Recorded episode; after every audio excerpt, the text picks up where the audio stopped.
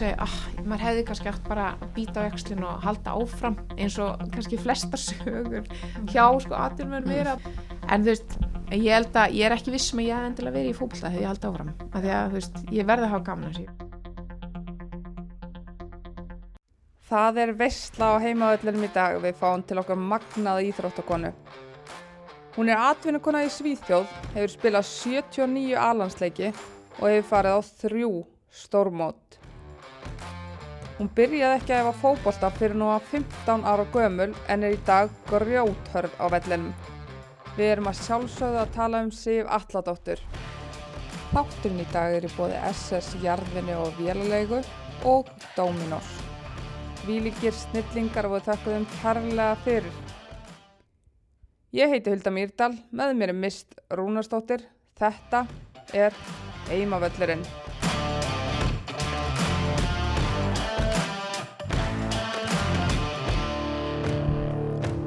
Velkomin til okkar á heimavöldin Sif. Takk Takk fyrir að hérna, gefa þér að gefa þér tíma til að mæta. Við erum búin að hérna, býða eftir að geta nappa þér hérna. Já, þetta, þegar spurningin kom þá var þetta einhvern veginn aldrei spurning sko það hva- var gaman Hvað ertu að gera á, á landinu núna? Herri, ég er bara í svona smá fríi uh, við erum við fyrir reyndar í frí þegar að landsinsverkanin eru þannig ég fekk að fara aðeins koma aðeins heim og, og hérna kom með litlu dömuna og, og, og hitta pappa og svona þannig að bara nýta tíman svona svolítið Já, akkurat og við hefnar njótum góðs að því. Því líkur heiður. Grípum þið í spjall. það sem leiðir Já, takk. En já, við hérna ætlum að fá að yfirheyra það aðeins og, og svona fara yfir ferilinn með þér. Já, Uh, þú byrjar seint að efa fótbolta, eða ekki? jú ég, já, ég tala nú um að oft ég, ég byrjaði svona fyrir alveg kannski 15 ára. Ég spilaði eitt sumar með haukonum þegar ég var í hvað ég vera í fjórðaflokki eða eitthvað. Byrjar í 15, þú fyrir að fyrstu, eða hvenær fyrir að fyrstu Nei, ég, eða, þú veist, ég, fe- ég æfið hérna eitt sumar með haugunum og Já. dregur hérna vinkonu mín árið var með á, á æfingum með haugum og einarína var þjálfara mín þar eitt sumar. Og hérna, hann ég fæ að upplifa pæjumót og eitthvað svona og, en, en ég einhvern veginn aldrei festist þannig, fór í frálsar og, og var þar. Og hérna, ég held að hafi meira snúið að óryggi í mér. Ég var maður ansi lítið hjarta þegar ég var yngri sko. Þannig að- já, já, já, þannig að hérna, vinkonum mín, árið nýsast stróð mig á æfingu í haugunum og, hérna, og svo einhvern veginn, að ég veit ekki bara, það festist einhvern veginn ekki á mér og svo er maður bróðið minn í frálsum eldri bróð minn, hann að æfði með eh, bróðið minn var í eldri Egill svo, þá. já, Já. Egil og hérna og Fannar frendi minn var, við erum jafnaldrar, hann að ég var með hann í frálsunum. Þannig að það var fjölskyldu öryggið sko, þannig að um leið og þá ég var færið upp um flokk, þá var það allt í lagi því þá var ég aðeins með bróðum mínum. Þannig að hérna, ég var ég var þetta batt sem að flok, sko, flakka á milli allra íþrótta af því að hérna veist, ég er alveg veist, ég er góður íþróttamæður og hérna og skaraði alveg fram úr þegar í þeim íþróttum sem ég kom í fimmlegunum átt að færa mig upp um flokk og þá hætti ég var í sundi átt að færa mig upp um flokk og þá hætti ég ég bara höndla ekki Bróðin var ekki með þér í sundum. það var ekki sundi og var ekki í fimmlegunum En sprett, spretthlaupið, það Já. var þín grein, fyrst það ekki. Jú, það var mín grín. Ég hérna, fest, eða þú veist, þegar maður er þetta ungur í frálsum þá fær maður að prófa allt sko Mhm. og við erum í öllu, við erum í þú veist, kúlu og, og grindalöpi og sprettlöpi og Spjótkasti. spjóðkasti og geggja. Að, hérna, en ég festist í prættunum, var 60 metrar hlaupari og svo stækkaði það og fór í 100 og svo hérna, var ég svona aðeins pínu þreytt á sprettunum og ákvað að fara í grindalöp, fannst það geggja gaman. Og svo bara fekk ég bara ógeða sprettum og fór alfarið yfir í kastgreinar til ekkert Til að æfa þig fyrir innkostin þá. Á, það var bara, þetta var allt hérna baku sko. ég var alveg vissum að ég myndi fara í hérna, löngu yngustin nei, þetta var hérna Eggert hérna Búason, hann var hérna kastalóri í HFO, kona hérna Ragnar var var uh, hlaupaþjálfari.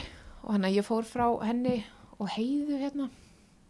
Já, var heiða, eða ég manna ekki alveg manna ekki alveg með þær, en hérna ég fór til hans og var sérst í kúlunni og, og spjótinu, fannst það mjög skemmtilegt. Ég var að æfa með hérna Sigrunni Fjellstöð og Ekki brindis Láru þá. ekki prinsessa, og hún var á lítil hún var aðeins en ég. En, hérna, en ég kæfti móti ástísi, spjótkastara og hann að, já, já, já hann að þetta var, mér fannst þetta mjög skemmtilegt. Og svo hérna endaði hérna, Björg Magnúsdóttir hérna, fréttakonna er hérna, árganga sýsti mín í, í Hanna, og hún nip, nippaði ekkert minn í mig í skólanum og sagði, herðu okkur vanda að varamann hérna í þriðaflokki á bekkinu og þetta í að, nei í er nennir ekki að koma og vera með ég bara, jú, jú, ég, þú veist, ég get það svo sem alveg fekk lána að skó af henni sem voru nummer 40 held ég og ég notaði nummer 35 og þetta var mjög skemmtilegt Já, vel 15 gert, ára. Björg, ég segi Já. bara Takk, takk Björg. Björg. En hérna, einmitt, þegar þú byrjar að spila þá ertu kannski með svona enginni sem fylgdir það úr frjálsum en að þú ert ábyrrandi fljóta hlaupa og svo þessi rosalegu yngkvöst sem að Egert Bóasson hefur greinlega lagt grunnina í kassgrinunum. Hérna, hversu fljótt var áhugina að smetla þarna? Þú kemur inn með vinkoninni Björgu, uh, varstu bara all in strax eftir þetta? Nei, í raunin ekki. Þú veist, ég klára það sumar og hérna, og dett náttúrulega í alveg geggjan hóp. Það er hérna, Gugga er í þessum hóp, markmaður, uh, Sigri Móisen, Sirri, hérna, var náttúrulega bara efnirast á landinu á okkar aldri þá sko. Því miður bara lendi í rosalegum, eh, hvort hann lendi í krossbættasleitum og á þeim tíma var það náttúrulega bara career ending sko. Uh, Svanhildur var sendirinn og bara, náttúrulega bara einn ein, sko, markaskorari, bara guðsnáð sko. Og hérna Tinna Bergs hérna, mótel, hún var í þessum hóp líka. Þess, þetta var, var þvílík legend sko. Það er svona eins og fjöllistahópur ja, þetta var bara geggjað. Og hérna, nei, ég, ég sérst spilaði þarna uh, það sumar og spilaði með þriðaflokki og öðrum flokki. Og þar voru hérna Silja Þórðar hérna, gamla leg FA legend. Bara veist, hún og Hlín og þessar stelpur er bara mótuðu mig sko, þær tókum hann svolítið undir vangin og jafnaldar bróðum minns og hann ætla búin að hitta og var alveg bara hei Þú veist, ennþá mús þarna. já, já, já, já, og líka bara þú veist svona, oh my god, þær eru bara hérna með mér í flokk og veit ekki alveg hvað að gera og Hvað ertu gömul þarna? Ertu... ég er 15 Já, já. 15 ára, já 16 kannski og hérna, hérna og hérna, svo spila ég hérna með þriðja öðrum og mistara og svo hérna einhvern veginn bara, já ég held mér að ég hafi verið kölluð hérna auð 17 áðingar og ég vissi ekkert hvað það var sko. ég er bara eitthvað, ég veit ekkert hvað er. Og svo kemur hérna svo er hérna hittir á logo hérna hjá FO og þjálfar mig kemur til mín hérna Jónas minni mig og hann bara, já, fórst ekki æfingu?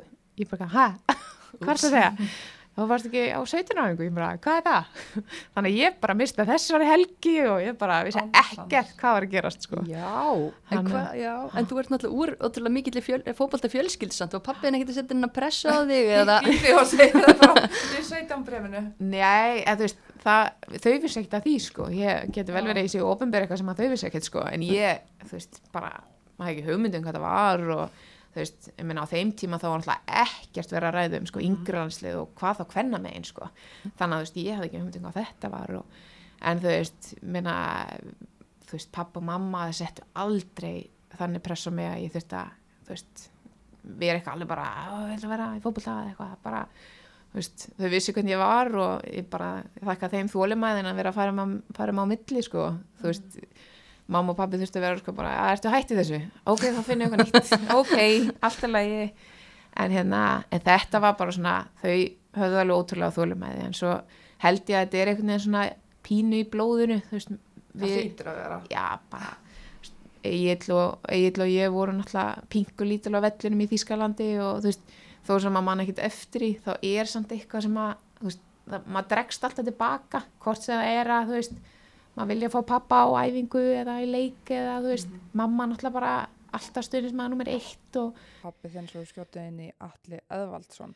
mitt, hérna maður dregst einhvern veginn að þessu þannig að þú veist, En þið farið öll í fótbolta, ég meina Sara fer í fótbolta, Emil, Egil, þú, eru þið fleiri? nei þeir, við erum bara fjögur. Já, já, og svo bróður hans pappa já, og afi uh, þannig að afi var í markinu í hérna eistneska landsliðinu. Byttu, byttu, já, já, þetta er veistnesku mættum, já, já, já, já. segð okkur aðeins. já, hérna sérst, afi Mikson kemur frá, var hérna flóttamæði frá Íslandi og hérna flúði sérst uh, sérst setni heimstyrildina var hérna flúði við til uh, Svíþjóðar og svo átti bátur að fara með hann til Ameríku nema hann stoppaði inn á Íslandi og hérna, hann sérst fekk ekki landvistarlefi í Ameríku og stoppaði hér og hitti ömmu Siggu í Versmanni þannig að, hérna, amma Sigga var mikil, mikil íþróttumar hérna var í handbólta og mm, líklega fókbalta líka. Hún var svona eins og öll Versmanni eða börn, bara í öllu. En hérna uh, en svo var afi sem að kom með minnir að hann hafi komið með korfbaltan til Íslands hann svona, opn, að, þú veist, opnaði þá leið hann að Já, þetta eru já, gamla frétti fyrir þér en, en splungu nýja fyrir mér, ég vissi þetta ekki. Þannig að það er, það er mikið íþróttablóð í okkur og hérna, ég er að mynda, hérna, ég held að við lesi, var að lesa hérna að við var kallaður hérna maðurinn með hundra hendurnar, þannig að ekkert sem fór fram í hann með markinu og þannig að það er svona, það er alveg íþróttagen í okkur. Þannig. Já, en, en áttur að FH, Já, hérna, ummitt, þú fer þarna strax að spila með mörgum flokkum og þú ert framherji er það ekki á þessum tíma? Jú, ég kem inn sem hérna sender, alltaf ösku fljót en hérna var kannski eitt endilega að setja boltan í marki þurfti kannski svona 15 færi og eitt lag inn. En hérna, jú, ég, fekk, ég spilaði sender alveg þángu til fyrir í val 2000, haustu 2006 en þetta F á lið þarna 2000 bara þegar þú kemur í það mm. þú spila held ég þrjá leiki þarna ef ég, Þú, já, já, já, ég held það, ef ég já. man það rétt hérna, en hvernig var þetta lið á þessum tíma, ég meina F á lið þetta er ekkit stórlið þarna Nei, nei, eða þú veist fyrir mér voru þær bara náttúrulega bara það er fátt tvö stig þarna Já. eða þú veist, fyrir mér var þetta bara þú veist ég eiginlega pældi rúslega lítið í sko hvað úrslitin þýttu og eitthvað svona. Mér fannst þetta bara vera svona þú veist, bara geggja að fá að vera hana með þeim og, og æfa með þeim og svona alltaf, eins og ég segi þú veist, ég leit svo upp til Silju og Línar og Bryndisar og alla þeirra og þú veist, þannig að þær þær gerðu svo mikið fyrir mig. Og þær einhvern veginn svona bara lögðu pínu sko brautina á hvað það er að vera eldri leikmaður. Þannig að hérna, þær hugsuðu rosalega vel um okkur. Og það var geðvikt þú veist, þær, að þeir, ég veit ekki hvort það er áttis á hversu mikil áhrif það höfðu á mig allavega. Hmm. þannig að hérna, ég, mér fannst það bara geggjaðir og þannig mér fannst það náttúrulega bara ógislega góður í fótbolta og ég einhvern veginn bara skildi ekki það hverju vorum ekki að vinna því að við vorum ógislega góður en þú varst ekki þarna þú, varst, þú spilar bara þrjá leiki og svo þarna fjóra leiki sem er eftir þú veist, þú ert 17 ára þarna. Varstu komið með eitthvað markmið þarna Nei, í raunin ekki sko. Eða þú veist, nei, ég veginn ég eiginlega veit ekki hvort maður að segja ég slýsast eitthvað með gegn og Mhm. fyrirli minn. Ég veginn, það er ekki að segja ég hef aldrei markmið, það er ekki það. En hérna, ég meina, landsliðsmarkmið voru aldrei hjá mér sko, eða þú veist, ég hugsaði bara þú veist, ég, ég og ekkert endilega heima þarna sko, en þú veist, ég var ekkert eitthvað svona, ó, ég ætla að verða mm -hmm. aðlandsliðsmaður eða, þú veist, ég ætla að fara út í aðdunum sko, það var einhvern veginn ekkert fyrir mig að hugsa þannig að því ég einhvern veginn bara var í minni bublu. Ég bara einhvern veginn mætti bara æfingar og var úkslega gaman og það fannst mér vera kannski líkillan að segja, mér fannst brúkslega gaman og en þegar ég mæti þá ger ég allt 100% þannig að þú veist, mér finnst úkslega erfitt að segja þú veist að ég hafi, að það er náttúrulega bara lígi Mm. ef ég væri eitthvað svona, já ég var öllum aðeins aukaðum og ég var alltaf að gera þetta úkslega rétt og eitthvað, sem er bara fyrir mér hefur fyrirli minn enginnst af, ég verði að hafa gaman að hlutunum. Og þú veist, ég fer í káver á sínu tíma og hérna fæ, þú veist, bóðum að koma þangað og fer það en þá eru þær meistarar þannig að ég fer í meistaralið og fæ að spila með Eddu og Gunnu og Emblu. Emblu sem ég bara horfði svo ógæslega mikið upp til, þú veist, mér fannst hún bara eitt mestu töffarinn á landinu. Þú veist, þetta var bara, svo var ég var hvað, 18 ára og var ekki komið bílpróf eða, og það er einhvern veginn bara Embla Greta sætla alltaf bara að fara að sækja mig á æfingu. Og ég bara, oh my god. Það er komin út í bara sækja mig hafnafjörðinu og eitthvað, náttúrulega algjör snillingur sko. En hérna, En þú ferð þarna í KR, einmitt, bara ef við spólum aðeins aftur tilbaka, því að, einmitt, ferð, FH var búið, það var alltaf í efstu deild, en, en það var í rauninni í búið að vera í botnbrasi þar. Uh, hvernig fannst þér að taka það skref að fara yfir í topplið, fyrir utan það að, hérna, frík út að fá að vera með embli bíl? þær voru líka búin að vinna þarna Íslands og byggarinn er það ekki meistra og öðrum flokki? Jú, þær voru bara spennandi tímar þar þá. Já, bara virkilega. Og man ekki alveg hver var með þær árið sem þær unnu.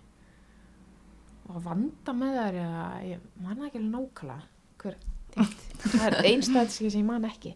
En, en hérna hún hérna Það voru allavega kempur í liðinu. já, Þetta voru eh, Embla, Guðrún Sólei, Edda Garðars, fyrirliðurugla, en það er líka, já, Það er öðruvísi umhverfi heldur en þú varst í vantilega í hefnafyrinu með hvað? já þú veist, ég held bara að fara þú veist, bara það að fara í mistarlið, bara þú veist að fara með það að maður bara, wow, þú veist, ég er bara að fara í Íslands og byggamastana, þú veist, það var bara og með þessum kempum Edda náttúrulega tók mig bara algjörlundi vengin, náttúrulega bara algjör bara gullmóli og hérna og hún var rosalega reyðið mig þegar ég fór úr káir árið eftir auðvitað. En á hverju fórstu káður? Já, bara eitt tímabil. Já, ég, Aftur í FH.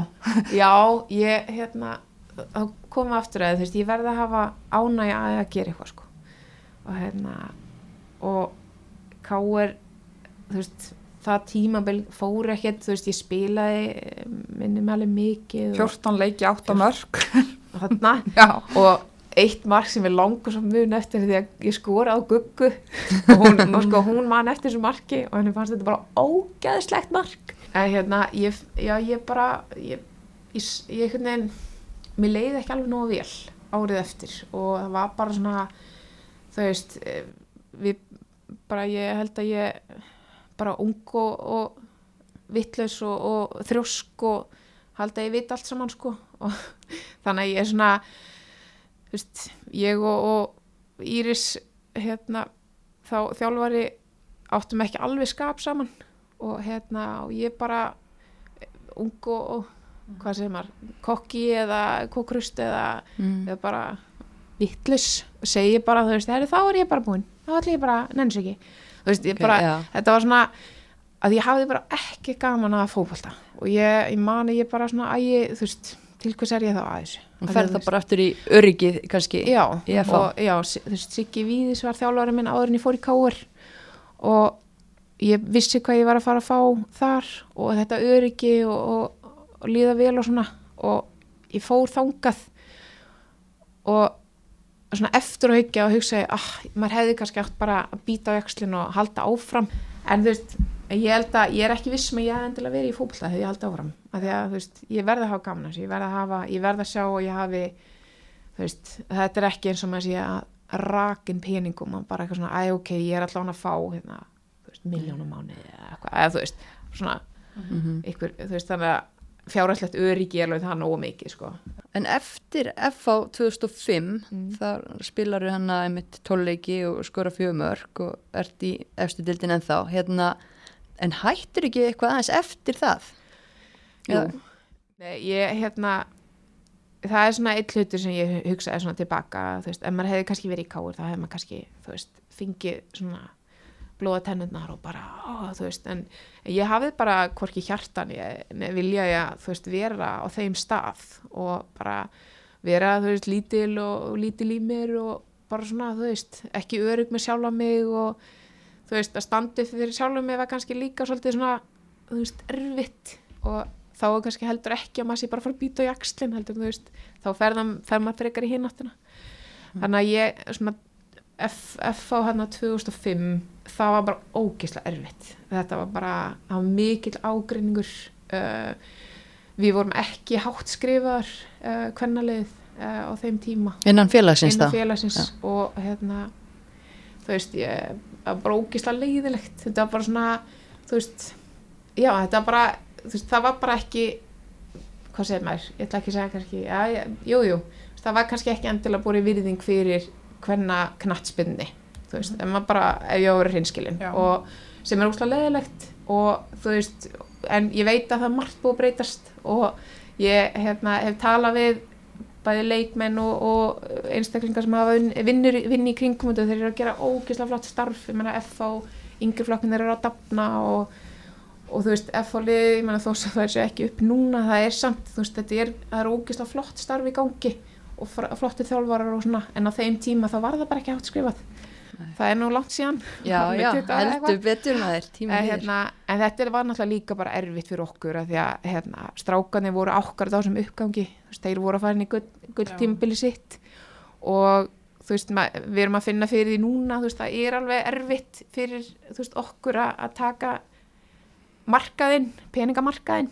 Og hvað þá á þessum tíma þar sem að þú veist, í íþrótti kvenna voru ekki hátt skrifar og hérna, þannig að það tímabil var bara úkslega erfitt. Og ég bara ég sagði bara, herði, þetta er bara it's not worth it þú veist, Mm. ég bara, ég sá ekki hvernig ég á að þrýfast í svona þar sem að maður er bara það er ekki boring virðing fyrir því að maður sé að spila og, og allt svona og þú veist, ég var ekki drúslega gömulegna en þú veist, ég átti að malva á að þetta var eitthvað það var mjög rátt við þetta sko. Já. ekki bjóða þér hvað sem er. það bara- það músin, Já. músin, það er. Þú hættir bara. ég hætti og hérna og að skemmtilega við að ég fekk hringingu frá hérna þrótti fekk hringingu frá gamla hérna, þjálfarinu mínum í Káar, Írisi. Og hérna þannig að þú veist, hún bara segir við mig bara, hún sé í stjórnunni á þrútti og hérna bara, er verilega bara að bjóða mér að koma og hafa bara svolítið gaman í fyrstöldri þú veist, og hérna og ég er svona, já já, já og bara svona slæsundi til hérna Olla frá Káir sem ég spilaði með þar hún var komin yfir uh, Anna Begga var komin. já, Tinn- var já, Tinna jú, já. ég held að Tinna hafi verið hann Já. eitthvað líka.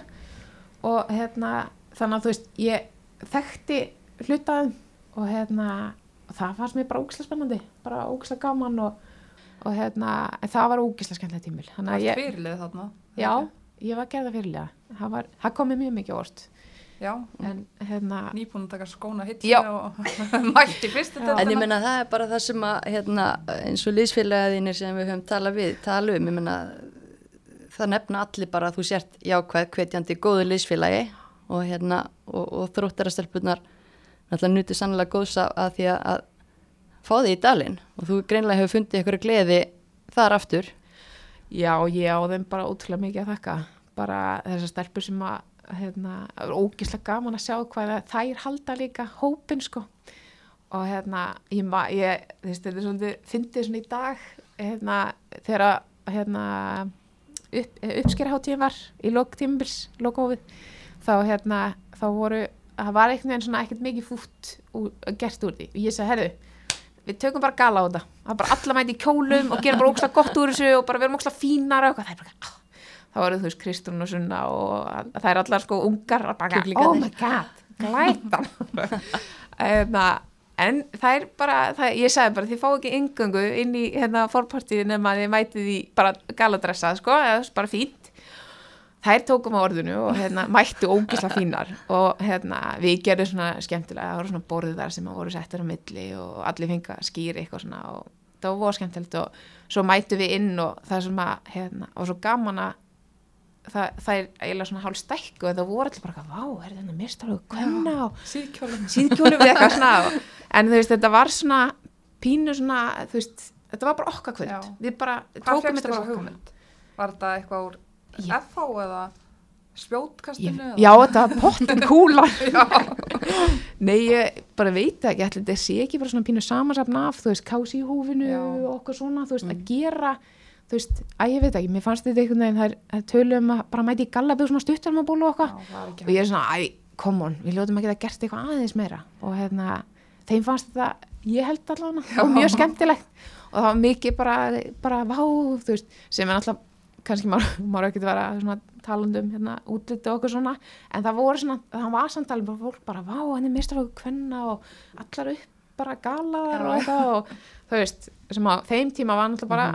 geggjað, sko. Og þær voru líka, náttúrulega, marg, þetta var ungt lið Já. þó að Hulda sé búin að nefna hana nokkra kempur sem, a, sem að koma yfir.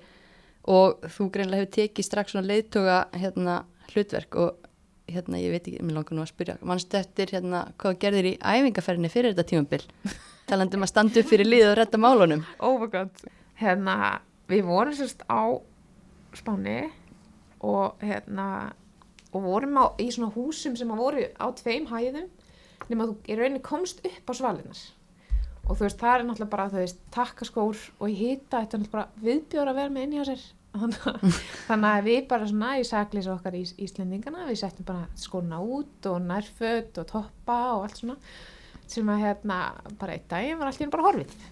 Og, það var bara ok, hvað er að gera núna? Og þá fengur sérst að heyra það að það er sem sagt hérna, maður á ekki að skilja hluti eftir og það sem á, þú veist, svona þegar maður hugsaði tilbaka þá voru sko nærfötum, skítum nærfötum stóli líka. Já, það var búa fyrðulegt svona þegar ég hugsaði tilbaka þetta var orðlega en hérna, en svo svona hérna uh, erum við að keira annarkvæmst til eða frá æfingarna og ég veit ekki hvort þú veist hvort það er ég eða eitthvað annar sem spottum bara glæni að takk sko, það er bara ekki séns að, hérna, að þetta er ekki skotun okkar. Bara krakkar í skóm og ég vís bara ég rík út og bara ætla bara að fá þessa skó tilbaka rándir skóra á þeim tíma, þetta kostaði eitthvað tíu skall eða eitthvað sem var náttúrulega bara morfjára á þeim tíma sko.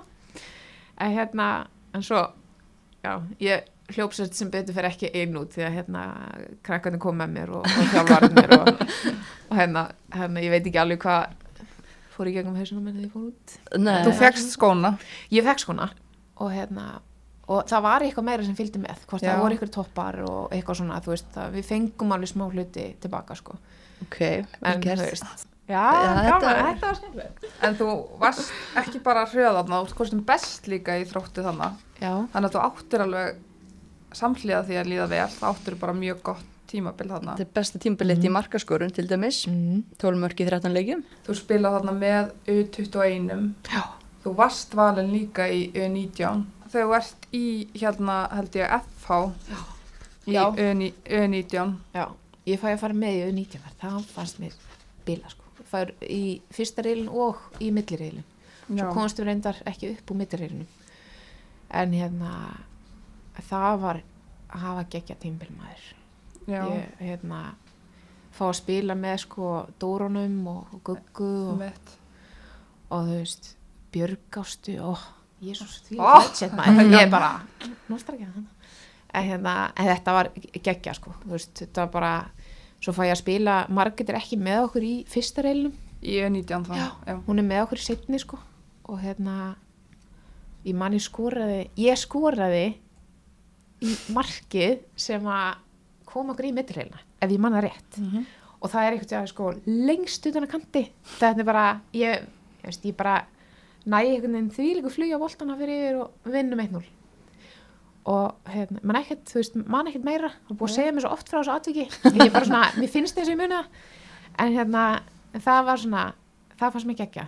Og hérna, svo fórum við áfram með því miður komst ekki upp millireirum, en náttúrulega 80, og- sko 85 86 árgangur var náttúrulega mjög sterkur Greta Mjöll, Greta var með, já. Hallbera, Já, Dóra Stef, Dóra Marja, Harpa Þorstein Skugga. Þetta eru... Katrin Ómars var með líka. En það spilaru... Regína, Já. já, En þú veist, þarna eru, þarna eins og í fyrsta leiknum hann að U19, bara við förum aðeins aftur í tíma, Mm. það ertu varamaður. Já. Ég meina, þetta er allar geggjar stelpur, en varst þú þarna með að við hvað voru búin að ná langt í dag, skilur varst ekki pyrrað að vera ekki að byrja þarna? Eða var þetta bara gaman að, mér fannst þetta bara geggja að fá að vera með og ég er svona, ég er að fá að fara að vera valinn sko á þessum tíma með þessum, þú veist Drottningum. bara drottningum. og í rauninni var ég bara, hvað er ég að gera hérna? Af því að þær voru svo miklu betri en ég sko. Ég veit ekki, svo hefur pappi sko pappi hefur alltaf sagt við mig bara, þú veist með landsliðið og svona, bara verður bara úslega jákvæð og þú veist, alveg, þú, veist, þú veist, gerðu allt sem þú getur á æfingum og þú veist, þú ert þarna að því að þú hefur hæfleika þú hefur ekki sömu hæfleika allir aðrir. Þú veist, þú ert með þitt, þú ert fljót og þú ert röð og þú veist, þú veist sterk, nýttu það. Þannig að þú veist, ég veginn eh, var ekkert, þú veist, ég fekk rosalegt sjokk þegar ég mætti og náttúrulega tæknilegir yfirbyrðir leikmann í kringum ég var náttúrulega bara, þetta var bara heimin og hafa mellir mín og þeirra sko Það er náttúrulega bara nánast einstæmi að leikmaður sem byrji í 15 ára bara komist í landslið yfir höfuð sko. Það Já. er bara magnað. já, alltaf líka þarna, það er tu- U21 áslið þarna á þessum Já. tíma og ég meina þá ertu líka að spila með, þú veist, Ástátna, Ólína, Hólmfríður, Dóra María máttu ekki spila, eldri leikmennu máttu spila. Jú, Það- fjóri já, sem áttu að fara með. Já. en þannig er aftur, þú veist, Guðni Björk Katrin Ómars og þetta.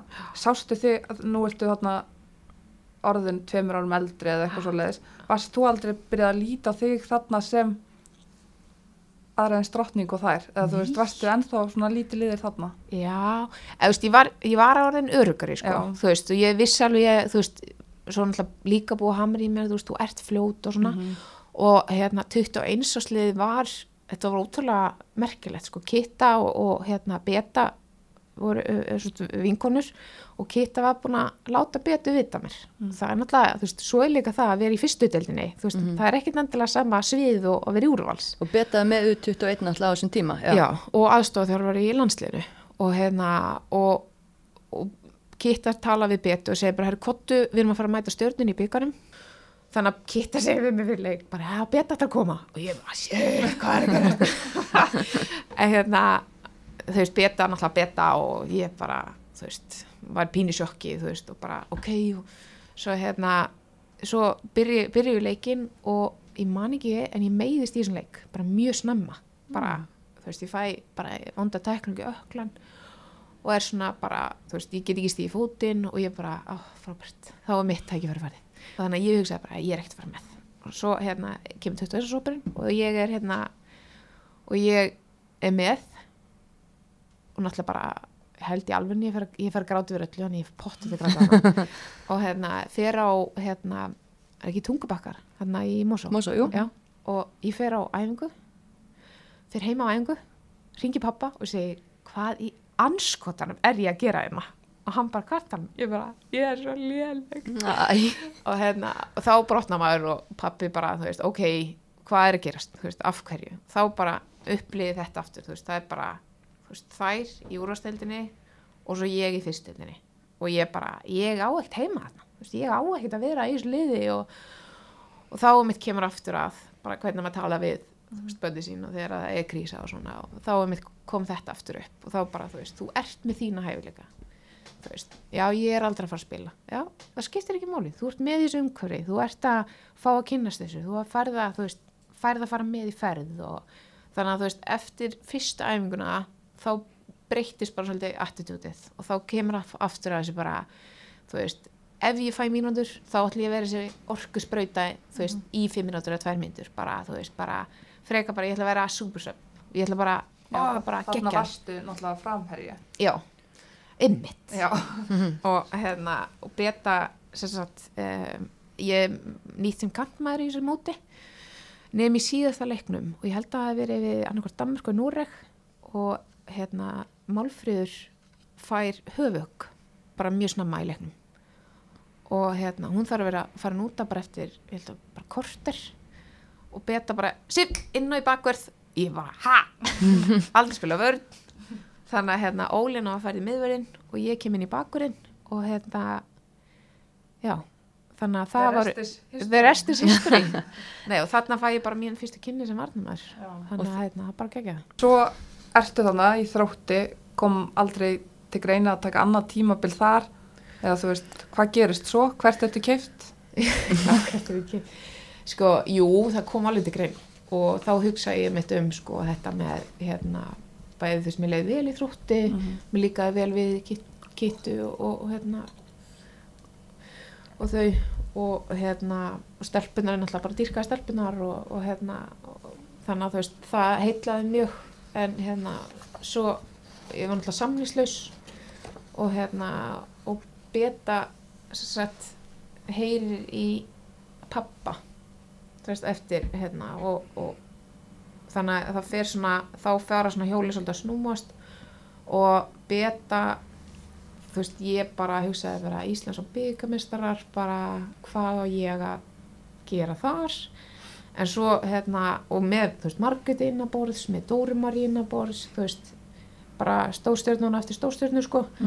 Og hérna, svo fer ég bara á fund með Betu, ég og pappi og Beta bara selur með það að gera maður bakverði af því hún sagði að ég verið ógislega bam. nei, nei, hún alltaf bara hreinskilin og allt svona og ég hérna bara keifti það alveg og hvað sagði hún við þig? Já, hún sagði bara, þú veist þú ert aldrei að fara að spila landslinu sem sendar, bara aldrei ég skal gera það besta bakverði Íslands Og- Ok, tökum það. Trú, trúður henni?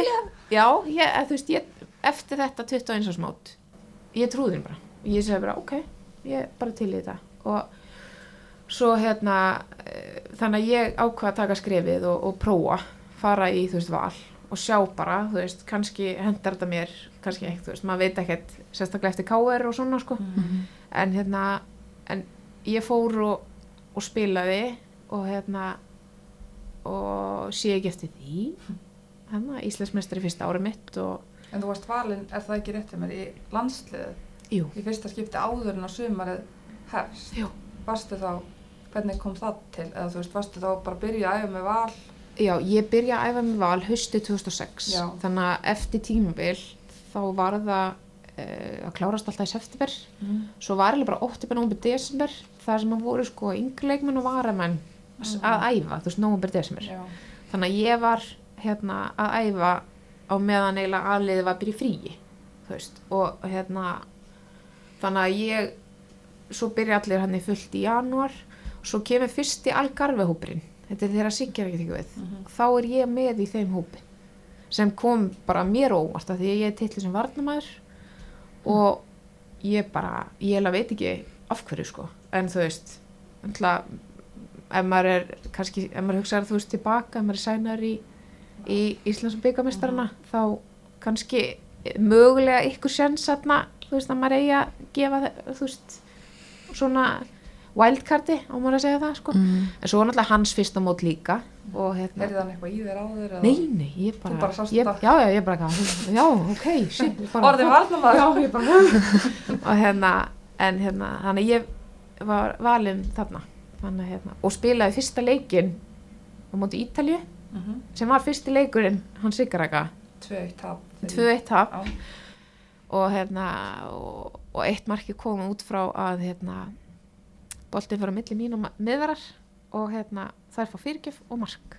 Og, Já, þannig að við, tö- við töfum leiknum út frá þessu marki sko. Já, þannig að hérna, Blendna tilfinningar. Mjög blendandi en, en, En- að En maður spila fyrsta þessu. landsleikin ég menna það lítur að hafa verið geggjað samt. Já, bara bilun sko, þú veist, ég bara ég veit ekki alveg, veit ekki alveg sko, hvað maður komin út í.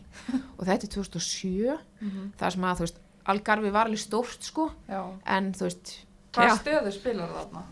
hæri bakk ég spilaði hérna, ég spilaði á val spilaði hægri bak hjá Betu Já. 2007-2008 og svo hálft tímabil hjá Freysa 2009 og svo hérna byrjaði ég raunin að spila miðvörð í byggaleik á móti völsungi hérna, sem við fengum útileik á móti völsungi Já. og hérna, ég er að keira með Dotta aðstofþjálfara og ég er eitthvað að ræða þig og svona eitthvað að grínast í hann bara, setti mig bara í miðverðu og leiði ömbla að hlaupa á kattinn eða eitthvað svona og hérna, svo bara gerist það og, og hérna og það bara smetlir eins og flýsur þess og bara ég og Pála náum rosalega vel saman og hérna, hann er bara Þið geggja eru sko. miðvara par þar Já. En svona, já, þessi aðlugun að fara sko úr fyrstjöldin í þrótti og þar komið smjörþefin ár 1921 alansliðinu jafnvel og ferð þarna í stjördu prýtt valslið. Hvernig, varstu komið með sjálfströst til þess að njóta þín þar í þeim hópi? Ég held að það hafi hjálpað mér rosalega mikið að spila með þeim í landsliðinu.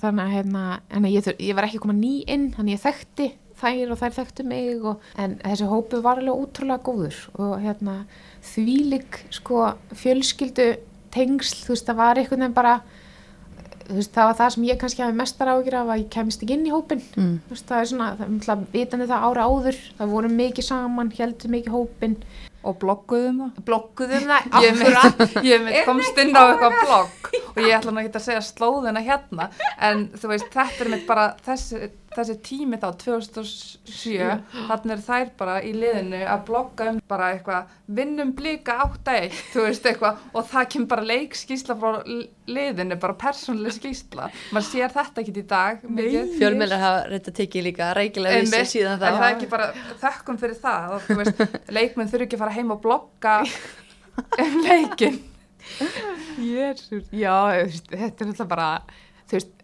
svo er þetta allt svo nýtt á þessum tíma veist, Mhm. bloggin eru svo ný og hérna, þannig að þú veist við erum náttúrulega, þetta er svona batsins tíma að við erum bara svona, ó, þetta er úrslega cool og Mhm. mm sem var náttúrulega úrslega gaman og cool á þessum tíma og þú veist, kannski ástæða okkur fólk hata okkur á þessum tíma líka, þú veist, bara þurfa að fara heim og lesa um, þú veist, eitthvað svona þetta er náttúrulega bara, það var mjög gott. Já, en þú veist við, þú veist, þetta var ekki neinum særindum en eitt svolítið, við vorum bara að hafa gaman og segja frá því sem að bara upplifun okkar og hérna, en þú veist þannig að hann bara svona það eru svona ímislegi tím, ímisli tíma sem hann bara svona þú veist, já, Já, bara já. geggjað sko.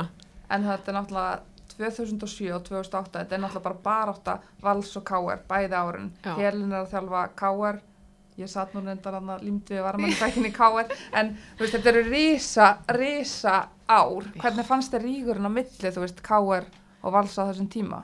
Þetta var rosalegt sko. Hérna, þessi, veist, þessi leikir voru náttúrulega bara eitthvað allt annað sko. Og bara, hérna þú veist, ég meina, ég, ég mun aldrei gleymi sem úrslendaleik í byggar til dæmis 2008 sko, þegar við töpum 4-0 brunkusbrautur brunkusbrautuleikurinn sko. og hérna þannig að þú veist það er svo, það er svo mikið svona sem að maður var ógæslega brjálæður yfir á þessum tíma en sem, sem er samt ógæslega geggja að geta, þú veist, sagt frá að maður var hluta þú veist, maður var hluti af þessum tíma. Þú veist, maður var því þegar allir landslismenni voru á Íslandi þú veist, ég held að Dóra Stefáns og Ástildu voru þeir sem voru erlendis. Það voru, þetta var náttúrulega bara landslið var bara Valur og Káer Já. og þetta voru þessi lið. En hvernig leiðir til dæmis að mæti leikin 2008 og allar brunkusbrautaðar ég, hvað hugsaður ég bara, verðum að vinna þetta eitthvað, en svo, sko, svo annað bara, bara svo fyndi að þú veist við erum, sko, daginn áður þá erum við bara í eitthvað svona, þú veist, okkur að bóði í gufu og heita bóta og eitthvað svona, þú veist, við bara, ú, ok, óslega gaman, bara sem lið og óslega skemmtilegt, sko. Sem, náttúrulega bara rannsóknir í dag sína fram á að gufu og afslöpun dæfurleik er ekkert endra kannski að besta, sko. En það sást á liðinu, við vorum bara svona eins og bara, þú veist, bara leir kettir, bara, ó, við gáðum ekki hreitt okkur svo þreytta, sko. En hérna, en þetta er náttúrulega bara fyrir mig, sko, að tapa þessum leik þú veist, ég, þetta var bara svona ég maður bara beta líka stendur á vellinum hún segir bara þið standið og þið horfið á þetta. Þetta er tilfinningi sem þið með aldrei gleyma. Og ég hef aldrei glemt henni. Þegar þær voru að taka þegar þær voru að taka, þegar við vorum að horfa á það að taka við gullpenningunum og lifta á dollinni. Var, en, ég, þarna var ég bara ennþá ákunni bara, ég er að fara að vinna byggarinn mm -hmm. þarna voru við uh, og ég man ekki hvort þau voru búin að vinna Íslandsmættitillin þarna eða hvort að þú veist, þau voru langt komna með það en hérna, ég segi bara ég, ég verði að vinna hennan byggar veist, ég verði að fá að vinna, því að við duttum út í áttalúslutum 2007, mm. það var óvænt. Það var mjög óvænt. Töpum 2-1 eða eitthvað á blík já, já, 2-1, já. já, á blíkavellurum það var mjög óvænt. Ég man sko, ég spilaði, ég spilaði djúpa með í þessum leik og hérna á þeim tíma þá var ég rosalega vilt og náttúrulega bara hafði mikið hlaupaþól og bara var einhvern veginn bara út um allt og kannski skildi ekki taktikin alveg nú að vel hver hlutverk mitt var sem leikmaður sem djúpi meðmaður og hérna sem ég væri, ég væri af þessa leikmanni minn eða en, ef að ég væri leik, leikmanni minn þá sko. En þá ég man sko við fáum okkur mark eftir að ég fer að pressa ykkur starf í ykkur vitt þess að pressu og það spilaði í gegnum mitt svæði og svo kemur mark veist, þannig að það eru veist, það er bara svona og þá er mér komið að sko hvernig er það þegar maður er tippaður í toppin og þurfa að höndla mótlæti sko, getur maður höndlað það inn í miðun leik, þú veist, svo var einhvern veginn bara þessi leikur var, en svo voru blíkandi bara óslega góður hana, þú veist, það er bara bara, það var bara þannig, þú veist. Það er, sorry ég er að revja nei, guð, bara En við kannski að tala um hérna, Já. titlana því að þegar þú ferði í val þá ertu vantilega að vinna þína fyrstu titla eða ekki. Vannst eitthvað í yngri flokkunum í FH? nei, bara Þú- fyrst í Íslandsmeistartitilin á Káruvellinu Á káröllinum, sweet.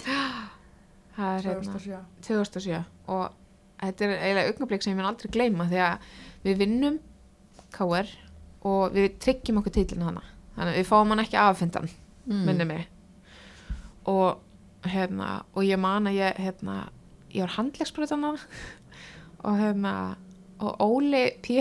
Markvistálari hann kemur til mér og gefur fæf og kristi svo leis á mér brotnu hendina og ég bara uh, en ég fann ekki fyrir verknum af því að ég var svo hamsum Já. ég var svo, þú veist, markmiði var náð og svo bætist þú hann það að ég lítum stúku og ég sé pappa gráta og ég bara það er ekki oft sem ég, ég, ég ég man ekki eftir að við séð pappa minn gráta.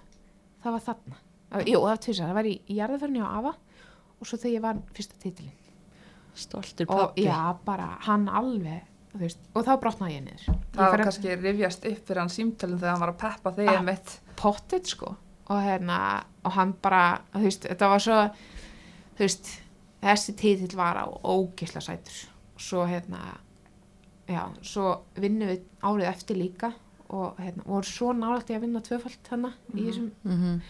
en við hérna klúruðum því bara og hérna svo vinn ég tvöfald hana með stelpunum 2009 sem að verður síðasta árið mitt á Íslandi.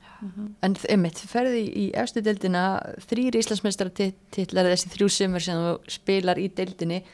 Þetta valslið á þessum tíma er þetta besta lið sem þú spilað í efstu deild á Íslandi? Já, allavega eitt af því sko. Þú veist að maður hugsa bara um tímana sem hafa komið, ég meina káurlið á, á sínu blíkarnir á sínu tíma.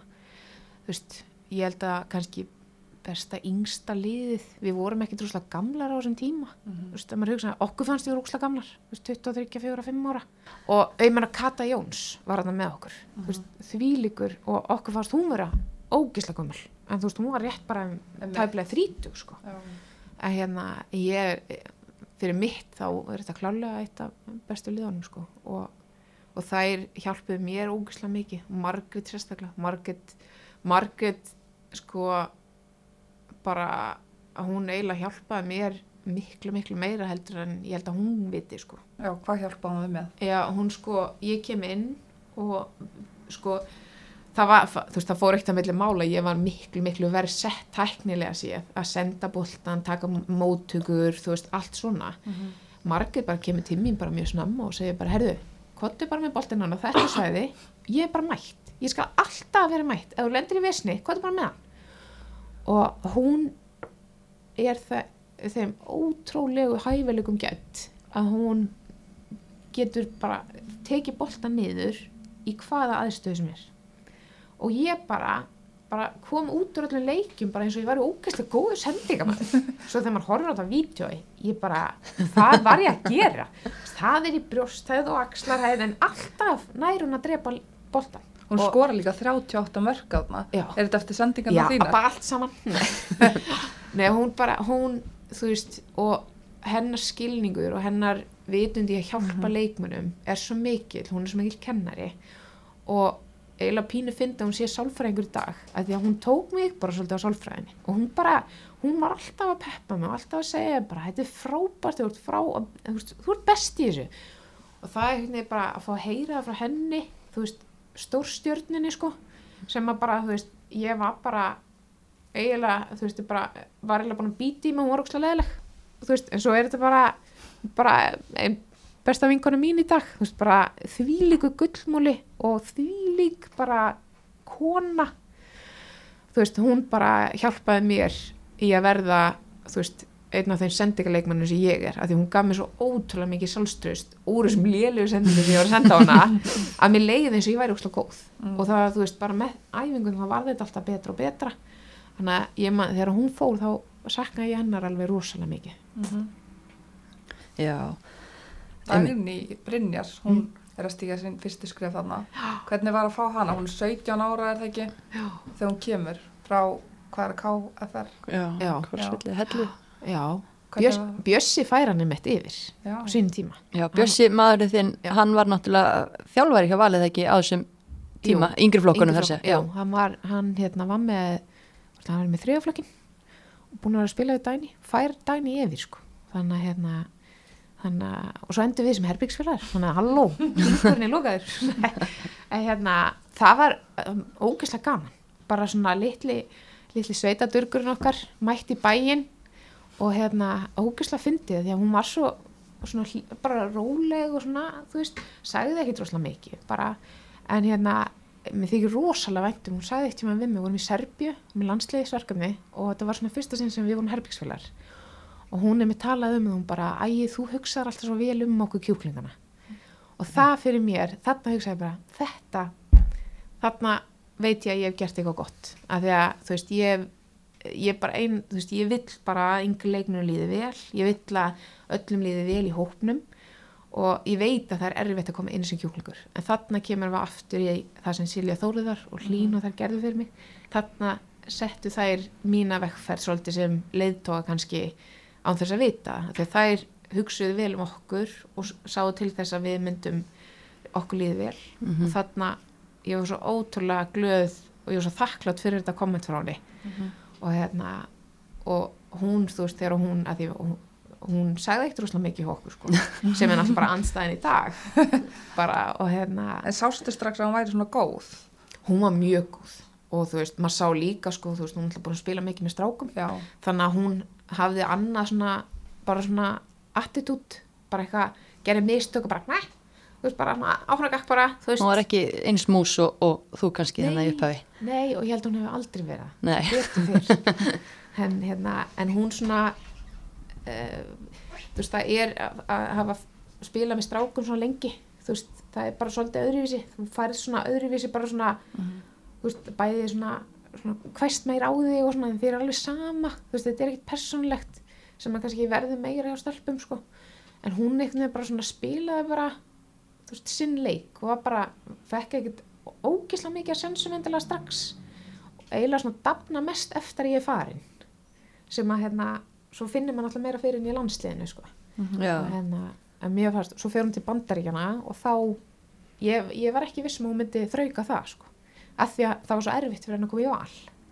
Og það var rosalega mikið heimþrá þar nú er ég að, nú er ég að segja eitthvað sama nei, ekki að reyð Ég meina hún er frá sveitinni, Já. þetta er ekkit skrítið. nei, en Og er kornung og bara, líka. bara, þú veist, þegar maður hugst tilbaka og maður bara, þú veist, bara algjör krakki sko, 15 ára bara að vera að keira á milli og, en hérna svo fyrir hún til bandaríkjana og ég hef mitt bara svona að þetta verður áhugavert. Þú veist, ef að hún þrauka þetta þá getur hún hvað sem er sko. Svo bara, þú veist það er er mér erst ógislega gaman að hafa verið svona lengi í þessu og að fengi að fylgjast með þessum ungu kjúklingum vera að vaks og grassi og taka sitt og, og svo núna til þess að fá að fylgjast með bæði Dagný og Margeti og Elísu sem mömmur og samt að halda áfram og þær eru fyrirmyndi fyrir mig þegar það að kemur. Þannig að þetta er bara, Og það eru náttúrulega ennþá að spila þannig í val bara síðan, ég meina Margrét er þannig í dag, Hallbera, já, það Dóra. í, já, ég þetta er bara veist, þetta er náttúrulega bara þetta, að segja svolítið mikið um sko hvað sko íþróttin skiptir miklu máli fyrir mann.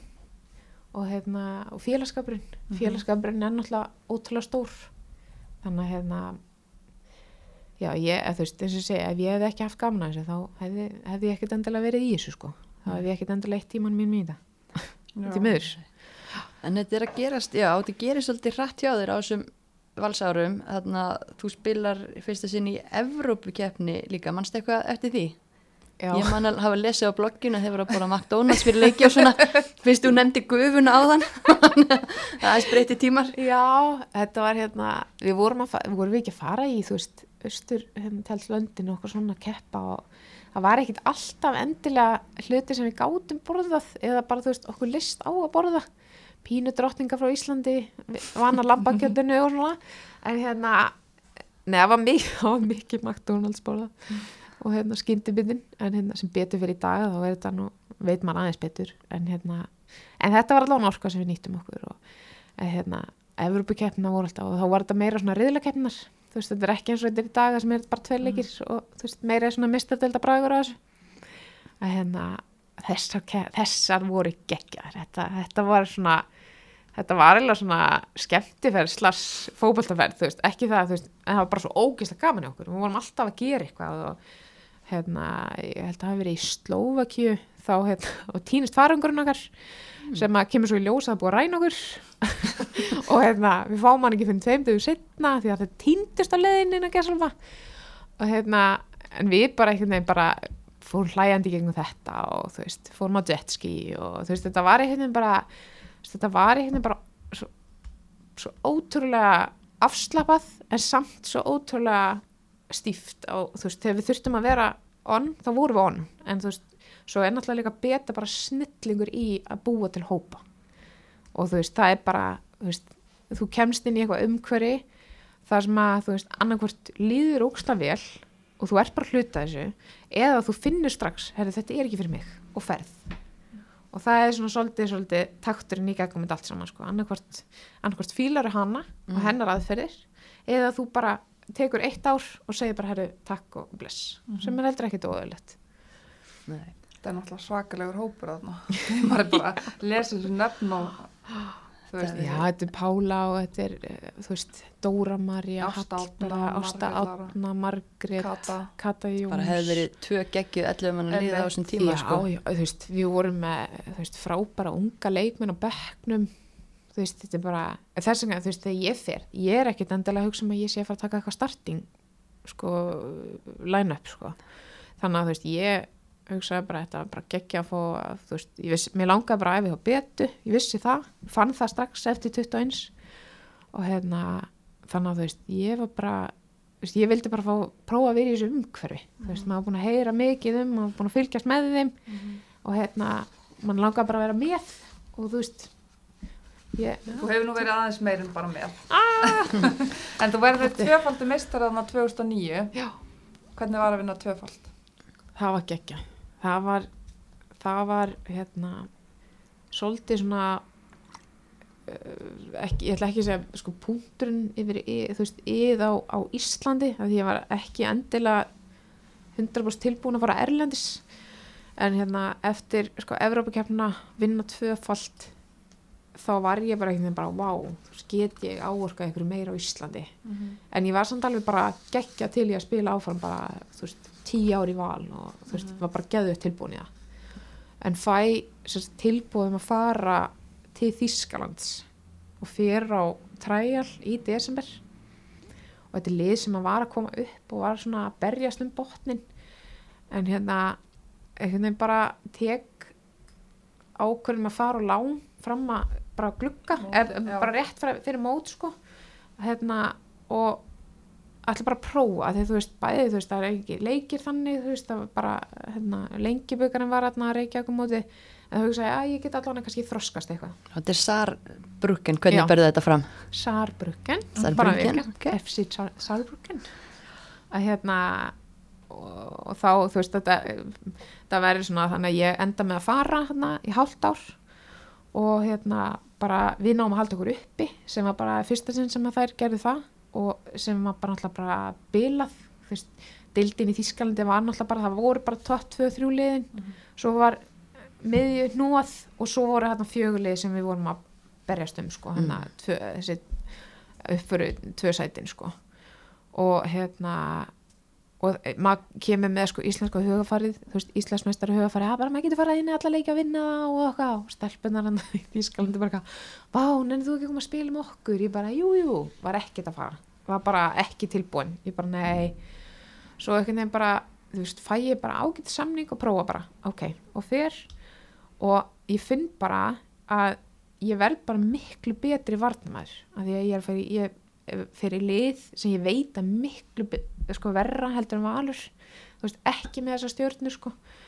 miklu miklu verri og, en ég hef svo miklu meira að gera. Veist, þarna, þarna mótast ég sem varnamæður Og þú ert bara að verjast á móti Frankfurt og þessum liðum Ég er að, það er Birgit Prins og það er Inga Grings og það er Silja Sasits það er uh, hérna, Nadine Kessler veist, við erum að tala um bara Drottningar. sko, já, við erum að tala um sko elitina í Þískalandið af því að þarna voru allir Þískilandslismenni á einu bretti bara, þú veist, það er bara hver leikurinn fætur öðrum, það er ykkur úlengarlandslismæður ykkur alandslismæður þannig að þarna vissi ég bara ég er að fara í bara eitthvað sjó sem að bara ef ég höndla þetta, þá höndla ég hvað sem er sko. Já. En, hva, já, en planið var að koma aftur heim eða ekki eftir hennar landssamning Já. eða hvað. Og svo skiptur um skoðun þegar þið haldið ykkur uppi eða hvað. Uh, já, eða þú veist ég sko ég fæ í rauninni tilbúð frá klubnum fjáraslegt tilbúð sem að ég átti alveg svolítið erfitt með að segja nei Var þetta fyrsta sinn sem að þú varst að fara að náða ykkur pening fyrir að sparki bolta eða? já, og, hérna, og á þessum tíma var þetta bara ógislega mikil peningur og þú veist, maður að segja endilega maður sé að elda peningin en þú veist, þarna var ég alveg búin að vega og meta þú veist, á ég að fara heim og spila í langbesta liðinu á þeim tíma. Bara, veist, þetta var bara þetta var aldrei einhvern veginn, ég upplýði aldrei sem eitthvað spurningum að vera eitthvað kannski bestar sko, veist, við vorum bara langt bestar á þessum tíma. E, veist, og mögulega kannski standi stað sem sko því það var ekkit brjálaslega mikið að gera. Eða að vera í þýsku deildinni þú veist, vera á góðum samning og að þú veist, ég getum gert eitthvað æfintýri, þú veist, ég og Bjössi. Mm. þú veist, ég ég, þérna er það fínt að ég, hérna, þú veist, ég gat haldið okkur báðum uppi, sko, og hérna, þetta er samt ekkert sem að já í dag, sko, það var ekki þannig, ég sagði, ok, og hérna, svo bara, þú veist, kemur það upp að ég bara enda með að fara út og hérna, þakkaði bara fyrir með vala, ég þakka bara, ég var kvatti tvo titlana og hérna, ég bara, ég held að ég hafi fundið líka, ég þurfti bara nýtt challenge og bara með, út frá landsliðinu og öllu svona, ég held að það verið bara ótrúlega holdt fyrir mig. Valsar hún ekkit annað, er það nokkuð að missa þig? Nei, það var, þetta var svona, þetta var erfiðu tími og hérna, þetta var mjög, persónlega var þetta rosalega erfitt og ég tók samtöl sem að ég bjóst aldrei myndi taka og hérna, þannig að hérna, e, þetta var bara persónlega bara rosalega erfitt og ég var, ég var rosalega sár í rosalega langan tíma. Og hérna, en ég fann rosalega vel fyrir stuðningi frá mínu fólki. Það kemur alltaf eitthvað gott út úr ykkur Var það fólk reykt yfir að þú væri bara að fara já, og það var bara, það það var mikil reyði bara, þú veist, að ég myndi fara fannst svona eins og ég væri að svíkja sko, eh, sem ég skil svo sem alveg svíkja samningin þá sem þú varst Nei, með að bara svona bara þú veist, eins og ég væri að fara frá liðinu eða eitthvað já. svona sko en ég bara, þú veist, útskýri bara mitt mál og, og hérna og svo, þú veist, þetta er allt í góðu sko í Já, dag já. og svona en ég svona, þetta var þetta, þetta setti rosalega stórt Mhm. mm. stórt mark á fyrir mig persónlega sko, mér leið, þú veist, þetta var þetta var mjög erfitt fyrir hjarta sko en, En en þú Já, en þú fylgdi hjartanu. Já, og eins þá kemur alltaf tilbaka þú veist, hvað er það sem að þú veist, mín, þú veist, ég verð að vera á, þú veist, sátt með mína ákvörðin En hérna, já, ferði aftur til Sarbrukjan. Uh, þar spilaru bæði vörn og miðju skils mér og fegst mm. fyrirleðabandi eða ekki. Jú, við löndum í því sko, hérna já, ég, hérna, hérna sem sagt, fyrsti fyrirlin okkar Sara Kannbach hún slítur krossband Mm. og svo hérna annar fyrirlin okkar uh, Anka Schingel hún slítur líka krossband. Og þá kemur, kemur að hérna uh, þrið, þriðja sem er hérna svisnesku landsinsmæður Nói Bene uh, sem er orðin hérna kommentator þar í, í Sviss núna um, hún slítur líka krossband. Nei.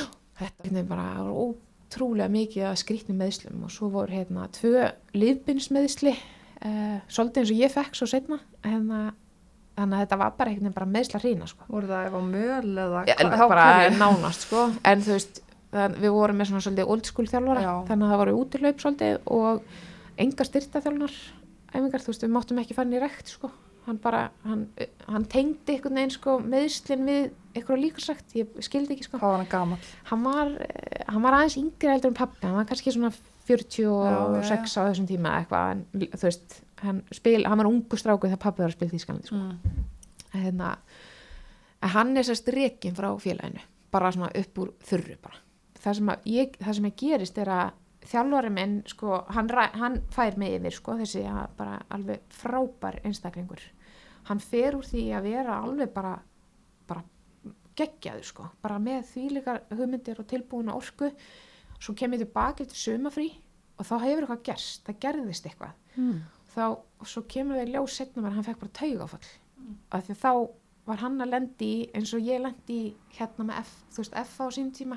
Virðingi var svo lítil gagvart Já, já. okkur að hann var á hverjum einasta degi bara um að fá þú veist, hluti framgengu. Já, þá voru strákunni nýkomnir upp í búndisleika þrjú sem að gaf rosalega mikið pening. Þannig að allt fór á þá. Þannig að við glemdust og hann var alltaf að berja sko á hurðina og bara herðu, við erum minna líka við erum úrastöld og þannig að kall greiði fekk bara taugafall. En þú klárar tímabilið eða ekki? Jú, ég, hérna, ég var sérst búin að gera starfslökasamning við þá uh, af því að ég var, við vorum farið niður um deild. Já.